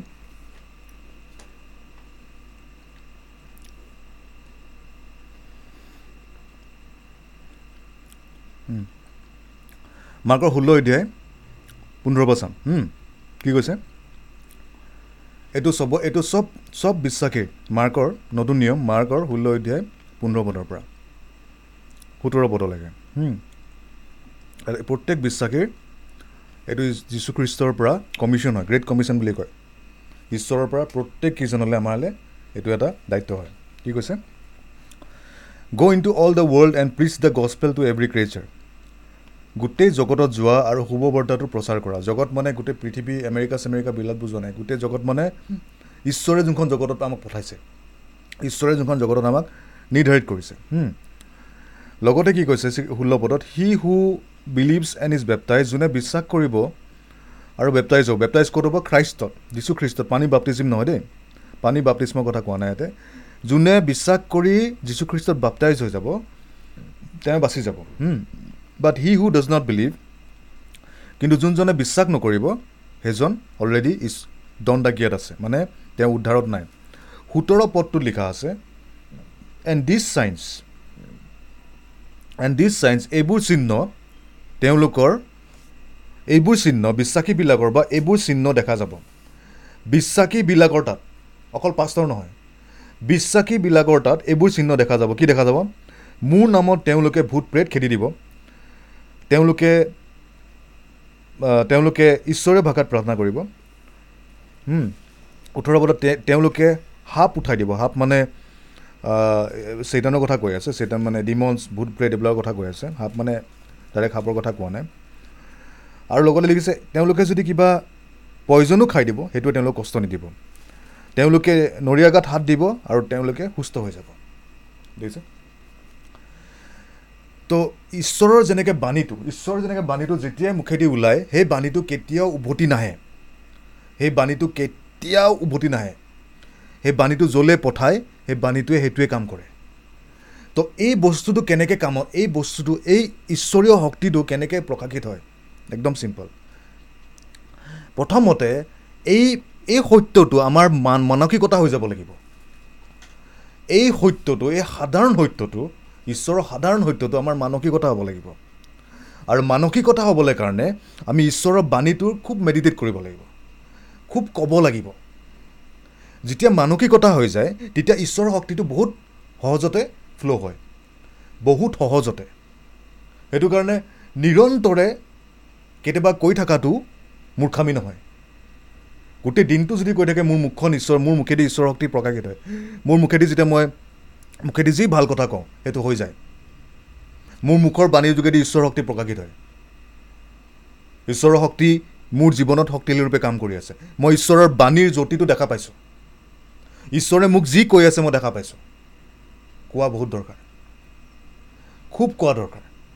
চেতানে অমংগলীয়া কথা কৈ পিনে আমাৰ জীৱনত ধ্বংস কৰে অমংগলীয়া মা মানসিকতা বনাই পিনে অমংগলীয়া মানে মানসিকতা মানে যেতিয়া এই ভয়ৰ মানসিকতা সন্দেহৰ মানসিকতা এইবিলাক চেতানে বনায়। কেনেকৈ বনায়? বাণীৰ যোগেদি। ভুল বাণীৰ যোগেদি? বহুত মানুহবিলাকে যেতিয়া সৰুৰ পৰা ভুল কথা শুনি থাকে সিহঁতি ভুল কৈ দিয়ে। এটা ভুল বিশ্বাস আৰম্ভ হয় সিহঁতৰ? আৰু সেই মনটোকে ঈশ্বৰৰ বাণীক আমি জাগা দিব লাগে। সেই ভুল মনটোক অভাৰ অভাৰটেক কৰিবৰ কাৰণে। সেই ভুল মনটোক আমাৰ মনৰ পৰা ৰিমুভ কৰিবৰ কাৰণে। গুচাই দিবৰ কাৰণে। ঠিক আছে? আমাৰ মনৰ পৰা গুচাই দিবৰ কাৰণে। নতুন জন্মৰ পিছত নতুন জন্মৰ পিছত খালি এটা কাম এটা এটা এটা মুখ্য কাম ৰখি যায় প্ৰত্যেক বিশ্বাসীৰ কাৰণে সেইটো হ'ল মনটো নতুন কৰা। আমি ৰোমাঞ্চত যাম ৰমিঅ' ৰমিঅ' এইটো অন্তিম বাক্য আমি প্ৰাৰ্থনা কৰিম। ৰমিঅ'। অন্তিম বাক্য নহয় এইটো আৰু এটা লাষ্ট আছে তাৰপিছত আমি প্ৰাৰ্থনা কৰিম। ৰমিঅ' ৰমা ৰমিয়া বাৰ অধ্যায়। এক এক আৰু দ্বীপত। ৰমিয়া বাৰ অধ্যায় এক আৰু দ্বীপত। পিছলৈ চাচোন কি এইখিনিতে অলপ আগতে। ঠিক আছে ঠিক হ'ব দে। ৰমিয়া আঠ অধ্যায় বাৰ পদত কি লিখিছে? I beseech you therefore brethren ৰমিয়া আঠ অধ্যায় বাৰ বাৰ অধ্যায় এক পদ চৰি। বাৰ অধ্যায় এক আৰু দুই পদ ৰমিয়া বাৰ অধ্যায় এক আৰু দুই পদ ইয়াতে কৈছে I beseech you therefore brethren ভাইসকল মই তোমালোকক অনুৰোধ কৰিছোঁ by the mercies of God ঈশ্বৰৰ দয়াৰ যোগেদি that you present your bodies a living sacrifice holy acceptable to God যাতে তোমালোকে নিজৰ শৰীৰটো এটা জীৱিত ছেক্ৰিফাইচ হিচাপে পবিত্ৰ আৰু ঈশ্বৰৰ যোগেদি ঈশ্বৰৰ দৃষ্টিত গ্ৰহণীয় কৰি তোমালোকে অৰ্পণ কৰা which is your reasonable service এইটো তোমালোকৰ ঈশ্বৰৰ প্ৰতি ছাৰ্ভিচ হয়। বা দুই পদত লিখিছে and do not be conform to this world আৰু এই জগতৰ আগত এই জগতটো জগতলৈ তুমি জগতলৈ তোমাৰ মনটো মানে জগতৰ মনটো দি নচলিবা। জগতৰ মিছা মনটো দি নচলিবা। আৰু দে জগতৰ মিছা মনটো দি নচলিবা। ঠিক আছে? কিন্তু কি কৈছে? But be transform by the হ'ব they by but be transform by the renewing of your mind কিন্তু তোমালোকে ট্ৰান্সফৰ্ম হৈ যোৱা তোমাৰ মনটো নতুন কৰি। মানে এটা বিশ্বাসীৰ মনটো নতুন কেনেকৈ হয়? ঈশ্বৰৰ পোহৰটো যেতিয়া মনত সোমাই থাকে মনত সোমাই থাকে মনটো নতুন হৈ যায়। পুৰণি মনটোৱে অন্ধকাৰৰ ৰাস্তাত নিয়ে। পুৰণি মনটো এটাই কাম অন্ধকাৰৰ ৰাস্তাত নিয়ে। পুৰণি মনটোৱে খং কৰিব বিচাৰে। পুৰণি মনটোৱে হিংসা কৰিব বিচাৰে। পুৰণি মনটোৱে কিবা তিতা কেহাপন কৰিব বিচাৰে। পুৰণি মনটোৱে সকলো ধৰণৰ বেয়া কৰিব বিচাৰে যোনটো চেতনে বিচাৰে। কিন্তু নতুন মনটোৱে নতুন মনটো ঈশ্বৰৰ বাণীৰ যোগেদি আহে। যিমান আমি বাণীটো শুনি থাকোঁ আমাৰ মনটো নতুন হৈ গৈ থাকে। সেইটো কাৰণে খুব ঈশ্বৰৰ বাণীটো শুনা দৰকাৰ। আমি আছেনে প্ৰ আমি নীতিবচন চাৰি অধ্যায় চাইছিলোঁ। নীতিবচন নে কি? সেইটো উপদেশ সেইটো উপদেশ চাৰি অধ্যায়ত চাইছিলোঁ লিখা আছিলে মোৰ সন্তান মোৰ কথাখিনি তুমি প্ৰথম জগা দিয়া। আৰু মোৰ বাণীবোৰ তুমি নিজৰ কাণত আঠা লগাই লোৱা। আমি চাইছিলোঁ নহয়। সিটো উপদেশ চাৰি অধ্যায়। মোৰ সন্তান মোৰ কথাবোৰ তুমি প্ৰথম জেগা দিয়া আৰু মোৰ বাণীবোৰ তুমি নিজৰ কাণত আঠা লগাই লোৱা। মানে কি? অনবৰতে ভাবি থাকা। অনবৰতে ভাবি থাকা যে ঈশ্বৰে মোক কৈছে কি? মই কি কৰিব লাগে? এতিয়া মই কি কৰিব লাগে? এতিয়া মই কেনেকৈ চলিব লাগে? আগত মই কি কৰিব লাগে? মই কোন হয়? মই যীশুখ্ৰীষ্টত কোন হয়? এতিয়া ইয়াতে এটা শব্দ আছে দুই পদত বাৰ অধ্যায় দুই পদত ৰমিয়া বাৰ অধ্যায় দুই পদত। And do not be conform to this world আৰু তুমি এই জগতৰ নীতিধাৰাদি নচলিবা but be transform by the renewing of your mind তুমি তুমি ট্ৰেন্সফৰ্মড হৈ যোৱা by the renewing of your mind transform শব্দটো। তুমি সলনি হৈ যোৱা। এই সলনি শব্দটো আণ্টি আমি নীতিবচনত যাম বাৰু। আপুনি আপুনি এই বাণীখিনি শুনি লওক। নহ'লে আপুনি বুজি নাপাব। কি কৈছে যে তুমি সলনি হৈ যোৱা ঈশ্বৰে কৈছে তুমি সলনি হৈ যোৱা। এই সলনি শব্দটো মানে মই আগতো এদিন কৈছিলোঁ বিছ বিচা এটাই যেতিয়া পখিলালে সলনি হয় সেই সলনি শব্দটো ইয়াতে ব্যৱহাৰ কৰা হৈছে। তোমাৰ মনটো বিচা মনৰ পৰা পখিলা মনলৈ সলনি কৰি দিয়ে। এটা বিচা যেনেকৈ পখিলালে সলনি হয় প্ৰথমতে বিচাটো যেতিয়া আমি চুই দিওঁ সি ডাকে আমাক বিচাটোৱে আমাক ডাকে। কিন্তু যেতিয়া পখিলা হয় বহুত ধুনীয়া হৈ যায়। বিচাই নুৰে পখিলাই উৰে। বিচাই গছৰ পাত খায় পখিলাই ফুলৰ হেৰিবিলাক খায়। ফুলৰ যোনটো মিঠা নেক্টাৰ থাকে ফুলৰ এইবিলাক খায়। মিঠাটো খায়। আৰু পখিলাটো বহুত ধুনীয়া হয়। বিচাটো দেখিবলৈ মানে ইমান ধুনীয়া নহয়। পখিলাটো বহুত ৰঙীল হয়। একদম মানে ঐশ্বৰিক যেন লাগে দেখিলে। চ' বিচাত পখিলাটো সেনেকুৱা। তো ইয়াতে সেই শব্দটো ইউজ কৰিছে মেটামৰফিছ বা মেটামৰফ তাৰমানে তোমাৰ মনটো পূৰা উল্টা হৈ যাব লাগিব। তোমাৰ মনটো বিচা তোমাৰ মনটো বিচা আছিলে হয়তো ঈশ্বৰ এনেকৈ আমি এনেকৈ ল'ব পাৰোঁ যে আমাৰ মনটো বিচা হৈ আছিলে এতিয়া মনটো পখিলা হ'ব লাগিব। আৰু পখিলা হ'বৰ কাৰণে ঈশ্বৰৰ বাণীটো। আৰু এই মনটো পখিলা মন যেতিয়া হৈ যায় মই বুজিবৰ কাৰণে কৈছোঁ। তেতিয়া আমি প্ৰভুতা আমি আমাৰ যোনটো প্ৰভুতা কৰি আছোঁ সেই প্ৰভুতাটো আমাৰ এই জীৱনত আমি চলাব পাৰোঁ প্ৰভুতা চব বস্তুৰ ওপৰতে। আৰু এই এই এই এই নতুন নতুন মনটো কেনেকৈ আহে? শীত এই শীত উপদেশ শীত উপদেশত যোৱা কথা কৈছিলোঁ। পুতুকে চাই ল'ম শীত উপদেশ। শীত উপদেশ চাৰি অধ্যায়। শীত উপদেশ চাৰি অধ্যায়। বিছ আৰু একৈছ বাইছ বিছ একৈছ বাইছ শীত উপদেশ চাৰি অধ্যায় বিছ একৈছ বাইছ my son give attention to my words মোৰ সন্তান মোৰ কথাবিলাকত গুৰুত্ব দিয়া। গুৰুত্ব মানে প্ৰথম জেগা। মোৰ সন্তান মোৰ কথাবিলাকত প্ৰথম জেগা দিয়া দ্বিতীয় নহয়। আমি যেতিয়া পুৰণি মানুহ আছিলোঁ আমি সদায় ঈশ্বৰক দ্বিতীয় জেগা দিছিলোঁ হয়নে? নিজৰ কাম চামবোৰ কৰি লওঁ তাৰপিছত ঈশ্বৰক চাম আৰু মন সেনেকুৱা টাইপ আছিলে। আমাৰ আমাৰ আমাৰ মানসিকতাটো এনেকুৱা আছিলে। কিন্তু ঈশ্বৰে কি কৈছে? প্ৰথম জেগাটো দিয়া। দ্বিতীয় নহয়। কিয়? ঈশ্বৰে আমি ঈশ্বৰক উঠাই দিয়াটো বিচৰা নাই কিন্তু সেইটো আমাৰ বেনিফিটৰ কাৰণে কৈ আছে।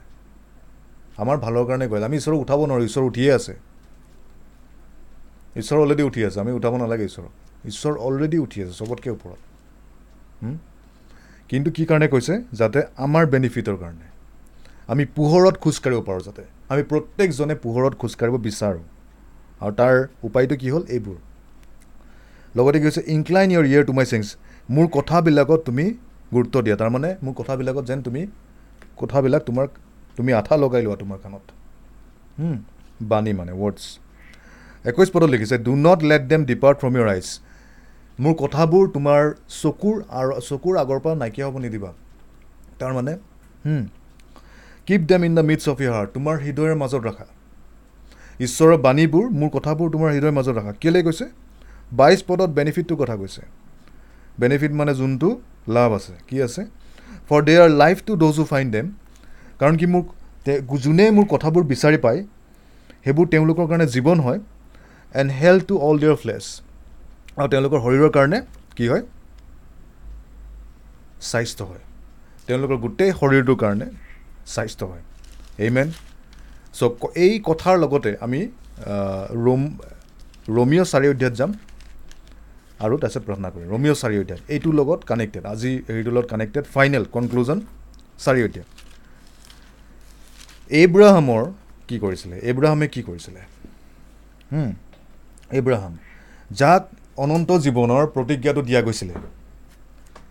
যোনজনক অনন্ত জীৱনৰ প্ৰতিজ্ঞাটো দিয়া গৈছিলে যাক কৈছিলে যে এইব্ৰাহাম তুমি তোমাৰ ঘৰৰ পৰা ওলাই আহা।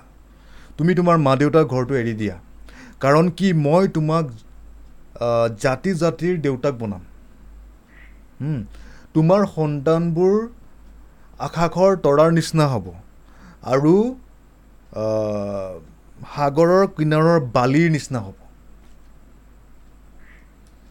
I will make your descendants as the as the stars of the sky in multitude innumerable as the sand which is by the seashore তেতিয়া এব্ৰাহাম এব্ৰাহাম বুঢ়া আছিলে।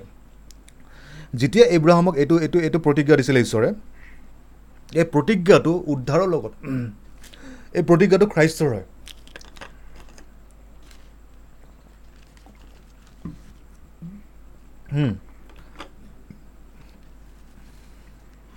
এই প্ৰতিজ্ঞাটো খ্ৰাইষ্টৰ লগত ৰিলেটেড হয়। এই প্ৰতিজ্ঞাটো শুভবাৰ্তাৰ লগত ৰিলেটেড হয়।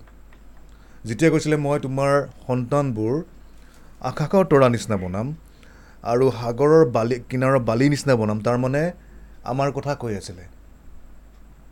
এইটো এটা প্ৰতিজ্ঞা আছিলে যে যীশুখ্ৰীষ্ট তোমালোকৰ পীড়িৰ যোগেদি আহিব ওলাব। ঈশ্বৰ মানুহ হৈ আহিব উদ্ধাৰটো উদ্ধাৰটো কৰিবলৈ কাৰণে তোমাৰ পীড়িৰ পৰা। সেইটো বিষয়ে কৈ আছিলে। আৰু তেতিয়া এব্ৰাহাম বুঢ়া আছিলে আৰু চাৰাও বুঢ়ী আছিলে। এব্ৰাহাম আৰু চাৰা ইমান বুঢ়া বুঢ়ী আছিলে যে তেওঁলোকৰ তেওঁলোকে নিজৰ শৰীৰটো যেতিয়া চাই মৃত শৰীৰ দেখা পায়। কি শৰীৰ দেখা পায়? মৃত শৰীৰ। শৰীৰটো যেন মৃত হয়। মানে মই তেওঁলোকৰ বয়স আশী বছৰৰ আছিলে।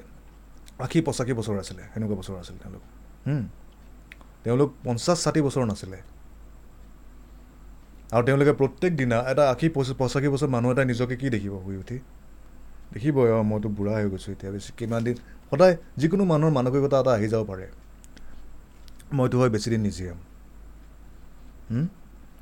চ' এব্ৰাহাম আৰু চাৰাৰ এনেকুৱা এটা সময়ত ঈশ্বৰে প্ৰতিজ্ঞা দিছিলে। তেওঁলোকৰ কোনো সন্তান নাছিলে। চাৰাৰ কোখটো বন্ধ হৈ গৈছিলে। আৰু এব্ৰাহামো পূৰা বয়স হৈ গৈছিলে। চ' তেওঁলোকৰ সন্তানে নাছিলে। তেওঁলোকৰ কোনো সন্তান নাছিলে যেতিয়া ঈশ্বৰে প্ৰতিজ্ঞা দিছিলে। আৰু ঈশ্বৰৰ প্ৰতিজ্ঞাটো এব্ৰাহামৰ ওচৰত এইটো চবতকৈ ডাঙৰ মিৰেকল হয়। এইটো প্ৰথম মিৰেকল হয় আমি দেখা পাওঁ। এব্ৰাহামৰ টাইপত মানে ঈশ্বৰৰ শক্তিটো দেখা পাওঁ। এতিয়া সেইটোকে আমি চাম কি হ'ল? এব্ৰাহামৰ বিশ্বাসটো কেনেকুৱা আছিলে? এব্ৰাহামে কি কৰি আছিলে?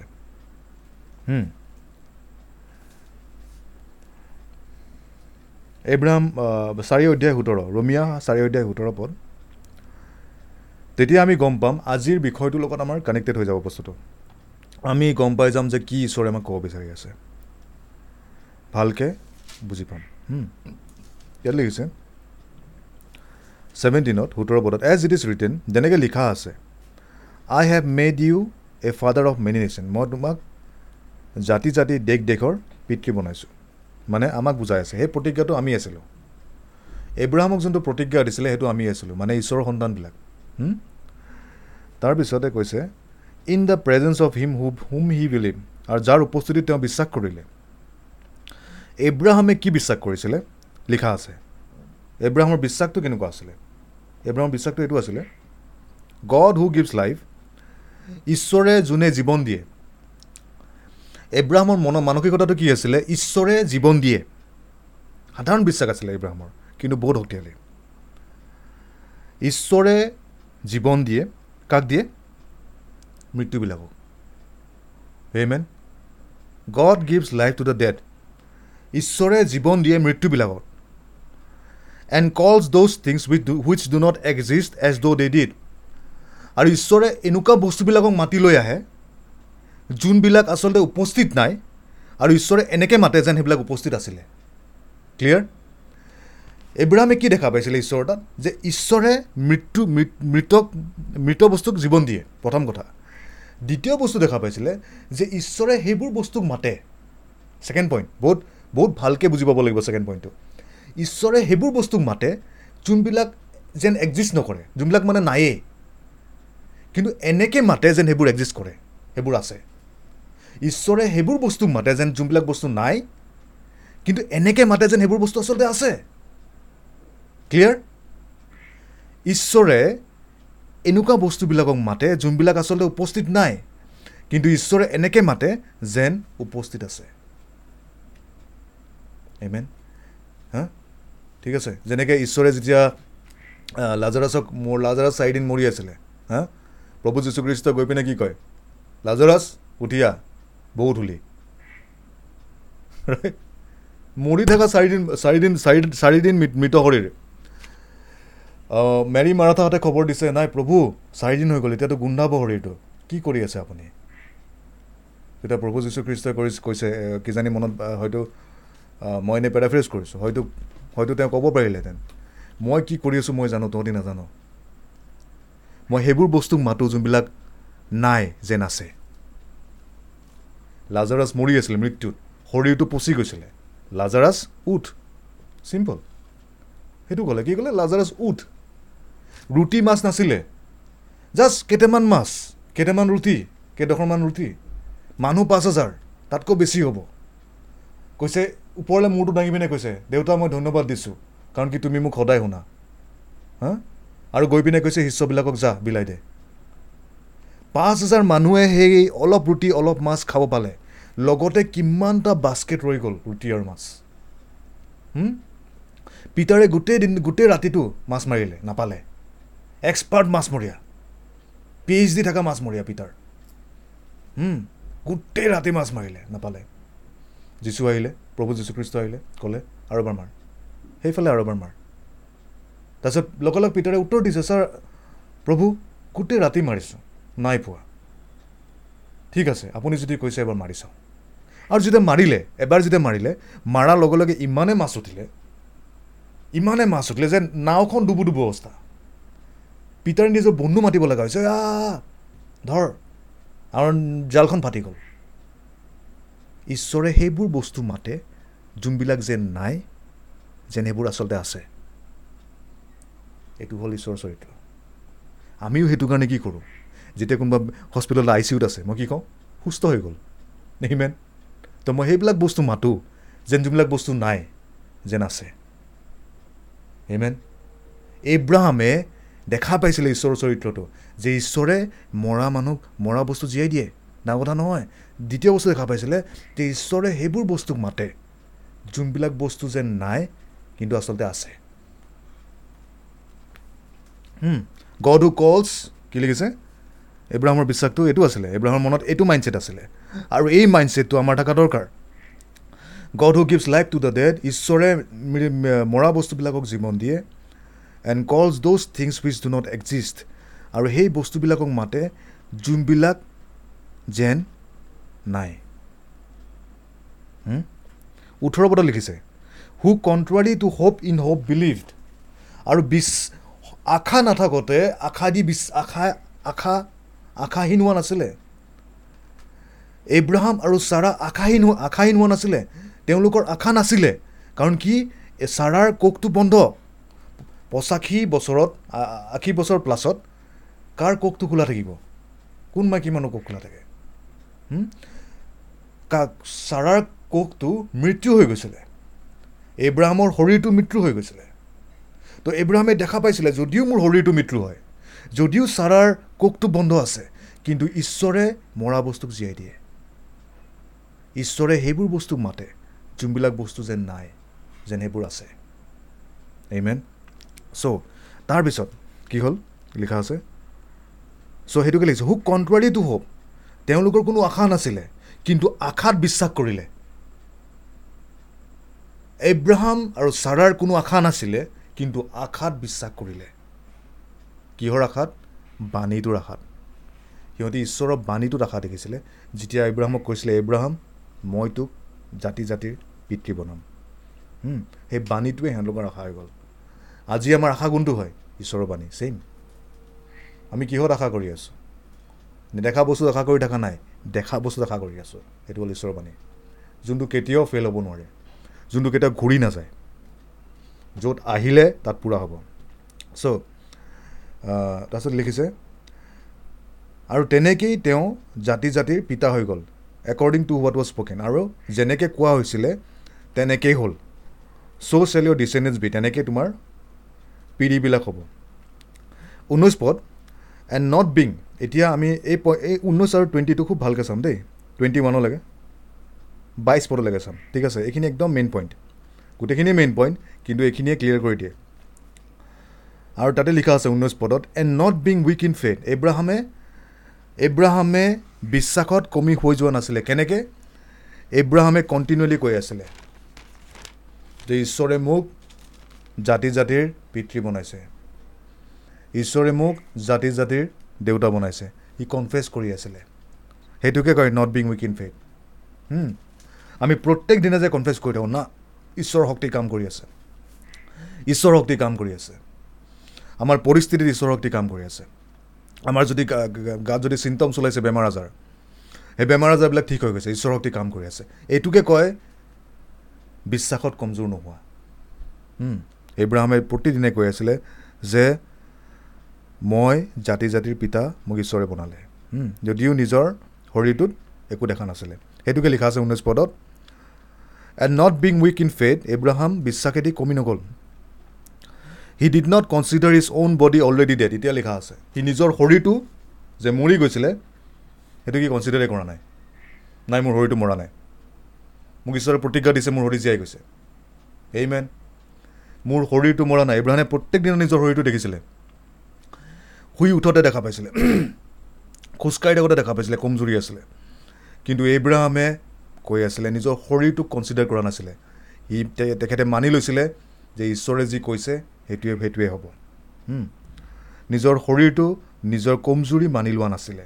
এই মেন এইটো হ'ল এব্ৰাহামৰ ফেইথ তাৰপিছত লিখিছে and not being weak in faith and he did not consider is own body নিজৰ শৰীৰটোকো কনচিডাৰ কৰা নাছিলে। অলৰেডি ডেড বুলি লিখা আছে ৰাইট মৃত্যুতে আছিলে। Since he was about a hundred years old তেওঁ এশ বছৰমান বয়স হৈছিলে। তেওঁৰ শৰীৰটো মৃত্যুতে আছিলে কাৰণ কি তেওঁ এশ বছৰমান বয়স হৈছিলে বুলি লিখা আছে। এণ্ড দ্য ডেডনেছ অফ চাৰা জম আৰু চাৰাৰ কোষটো মৃত্যু হৈ গৈছিলে। লিখা আছে নাই? কিন্তু তেওঁলোকে কি নকৰিলে? কনচিডাৰ নকৰিলে। নামানিলে। নিজৰ শৰীৰ আৰু ফিলিংছতকৈ ঈশ্বৰৰ বাণীটো তেওঁলোকে মানিলে। তাৰপিছত কি লিখা আছে? বিছ পদত he did not waver at the promise of God তেওঁলোকে ঈশ্বৰৰ প্ৰতিজ্ঞাটোত ইফাল ইফাল নহ'লে। থ্ৰু আনবিলিভ অবিশ্বাসৰ যোগেদি। But was strengthen in faith giving glory to God তেওঁলোকে সদায় বিশ্বাসত শক্তিশালী হৈ গৈছিলে ঈশ্বৰক মহিমা কৰিছিল। কেনেকৈ বিশ্বাসত শক্তিশালী হৈছিলে তেওঁলোকে ঈশ্বৰৰ প্ৰতিজ্ঞাটো মাতি আছিলে যে ঈশ্বৰে যি কৈছে তেওঁ কৰিলে। আৰু সেইটো দি তেওঁ ঈশ্বৰৰ মহিমা কৰি আছিলে। ঠিক আছে? তাৰপিছতে টুৱেণ্টি ওৱান একৈছ পদ and being fully convinced that he আৰু তেওঁলোকে কনভিন্স হৈ গৈছিলে that what he had promised যে ঈশ্বৰে যি প্ৰতিজ্ঞা দিছে আমাক he was also' able to perform তেওঁৱে পাৰফৰ্ম কৰিব। ঈশ্বৰে যদি কথা দিছে তেওঁ নিজেই কৰিব আৰু সেইটো আমি বিশ্বাস কৰোঁৱে এইমেন ঈশ্বৰৰ কথা ঈশ্বৰ কেতিয়াও মিছলীয়া নহয়। বাইছ পদ and therefore it was accounted to him for righteousness আৰু এইটোৰ কাৰণে তেওঁক ধাৰ্মিক বুলি গণিত কৰা হৈছিলে। এইমেন তো আমি এটা বহুত ডাঙৰ বস্তু এটা গম পালোঁ আজি। মাৰ্ক ইলেভেন টুৱেণ্টি থ্ৰী আমি চুইছিলোঁ আজি দুসপ্তাহমান আগতে হা। ইলেভেন টুৱেণ্টি থ্ৰী আৰু টুৱেণ্টি ফ'ৰ মাৰ্কৰ এঘাৰ অধ্যায় তেইছ আৰু চৌবিছ পদ তাতে যীশুখ্ৰীষ্টই কৈছিলে যে তুমি যি ক'বা তাকে হৈ যাব। এঘাৰ অধ্যায় তেইছ পদত লিখিছিলে তুমি যদি বিশ্বাস কৰা আৰু তুমি যদি এই পাহাৰটোক কোৱা গৈ পিনাই সাগৰত পৰাগৈ। আৰু তুমি যদি বিশ্বাস কৰাৰ সন্দেহ নকৰা তুমি যি ক'বা তাকেই হ'ব। এব্ৰাহামে কৈয়ে থাকিলে এব্ৰাহামে কমজোৰ কেনেকৈ নহ'ল বিশ্বাসত? এব্ৰাহামে কণ্টিনিউ কৈ থাকিলে। ৰাতিপুৱা উঠি কৈ থাকিলে। একো দেখা নাই। শৰীৰটো বুঢ়াই দেখি আছে। চাৰাকো চাৰাৰ কোকটো মৃত্যু মৃত্যু মৃত্যু মানে মৃত্যু দেখা পাই আছিলে। বহুত সময় গ'ল। তাৰপিছত সি প্ৰতিজ্ঞাত দেখা পাইছে। কিন্তু যোনদিনাখন ঈশ্বৰে প্ৰতিজ্ঞা দিছিলে ইব্ৰাহামক সেইদিনাখনে প্ৰতিজ্ঞা পূৰা হৈ গৈছিলে। ক্লিয়াৰ কিন্তু প্ৰতিজ্ঞাৰ হেৰিটো প্ৰতিজ্ঞাৰ যোনটো ফলটো ইব্ৰাহামে অলপ পিছত দেখা পাইছে। চ' কেতিয়াবা আমাৰ জীৱনত যদি আমি কিবা এটা কওঁ আৰু যদি আমি আমি আমি চংগাই ক্ষেত্ৰত যে আমি চংগা হৈ গ'লোঁ কিন্তু কেতিয়াবা যদি আমি দেখা নাপাওঁ তাৰ মানে এইটো নহয় যে আমি চংগা হোৱা নাই। আমি হৈ গৈছোঁ। তুমি হাত দিবা বুলি কৈছা তুমি নৰিয়া গাত হাত দিবা তুমি সুস্থ হৈ যাবা।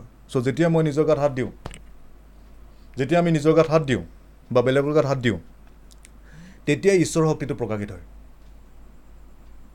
কাৰণ কি এইটো ঈশ্বৰৰ বাণী হয়। যেতিয়া আমি নিজৰ গাত হাত দিওঁ ক'ত বিষাইছে কিবা হৈছে মূৰত হাত দিওঁ তেতিয়াই ঈশ্বৰৰ শক্তিটো প্ৰকাশিত হয় যদিও আমি অনুভৱ কৰোঁ বা নকৰোঁ। ঈশ্বৰৰ প্ৰতিজ্ঞাটো আমাৰ আশা হয় আৰু ভৰসা হয়।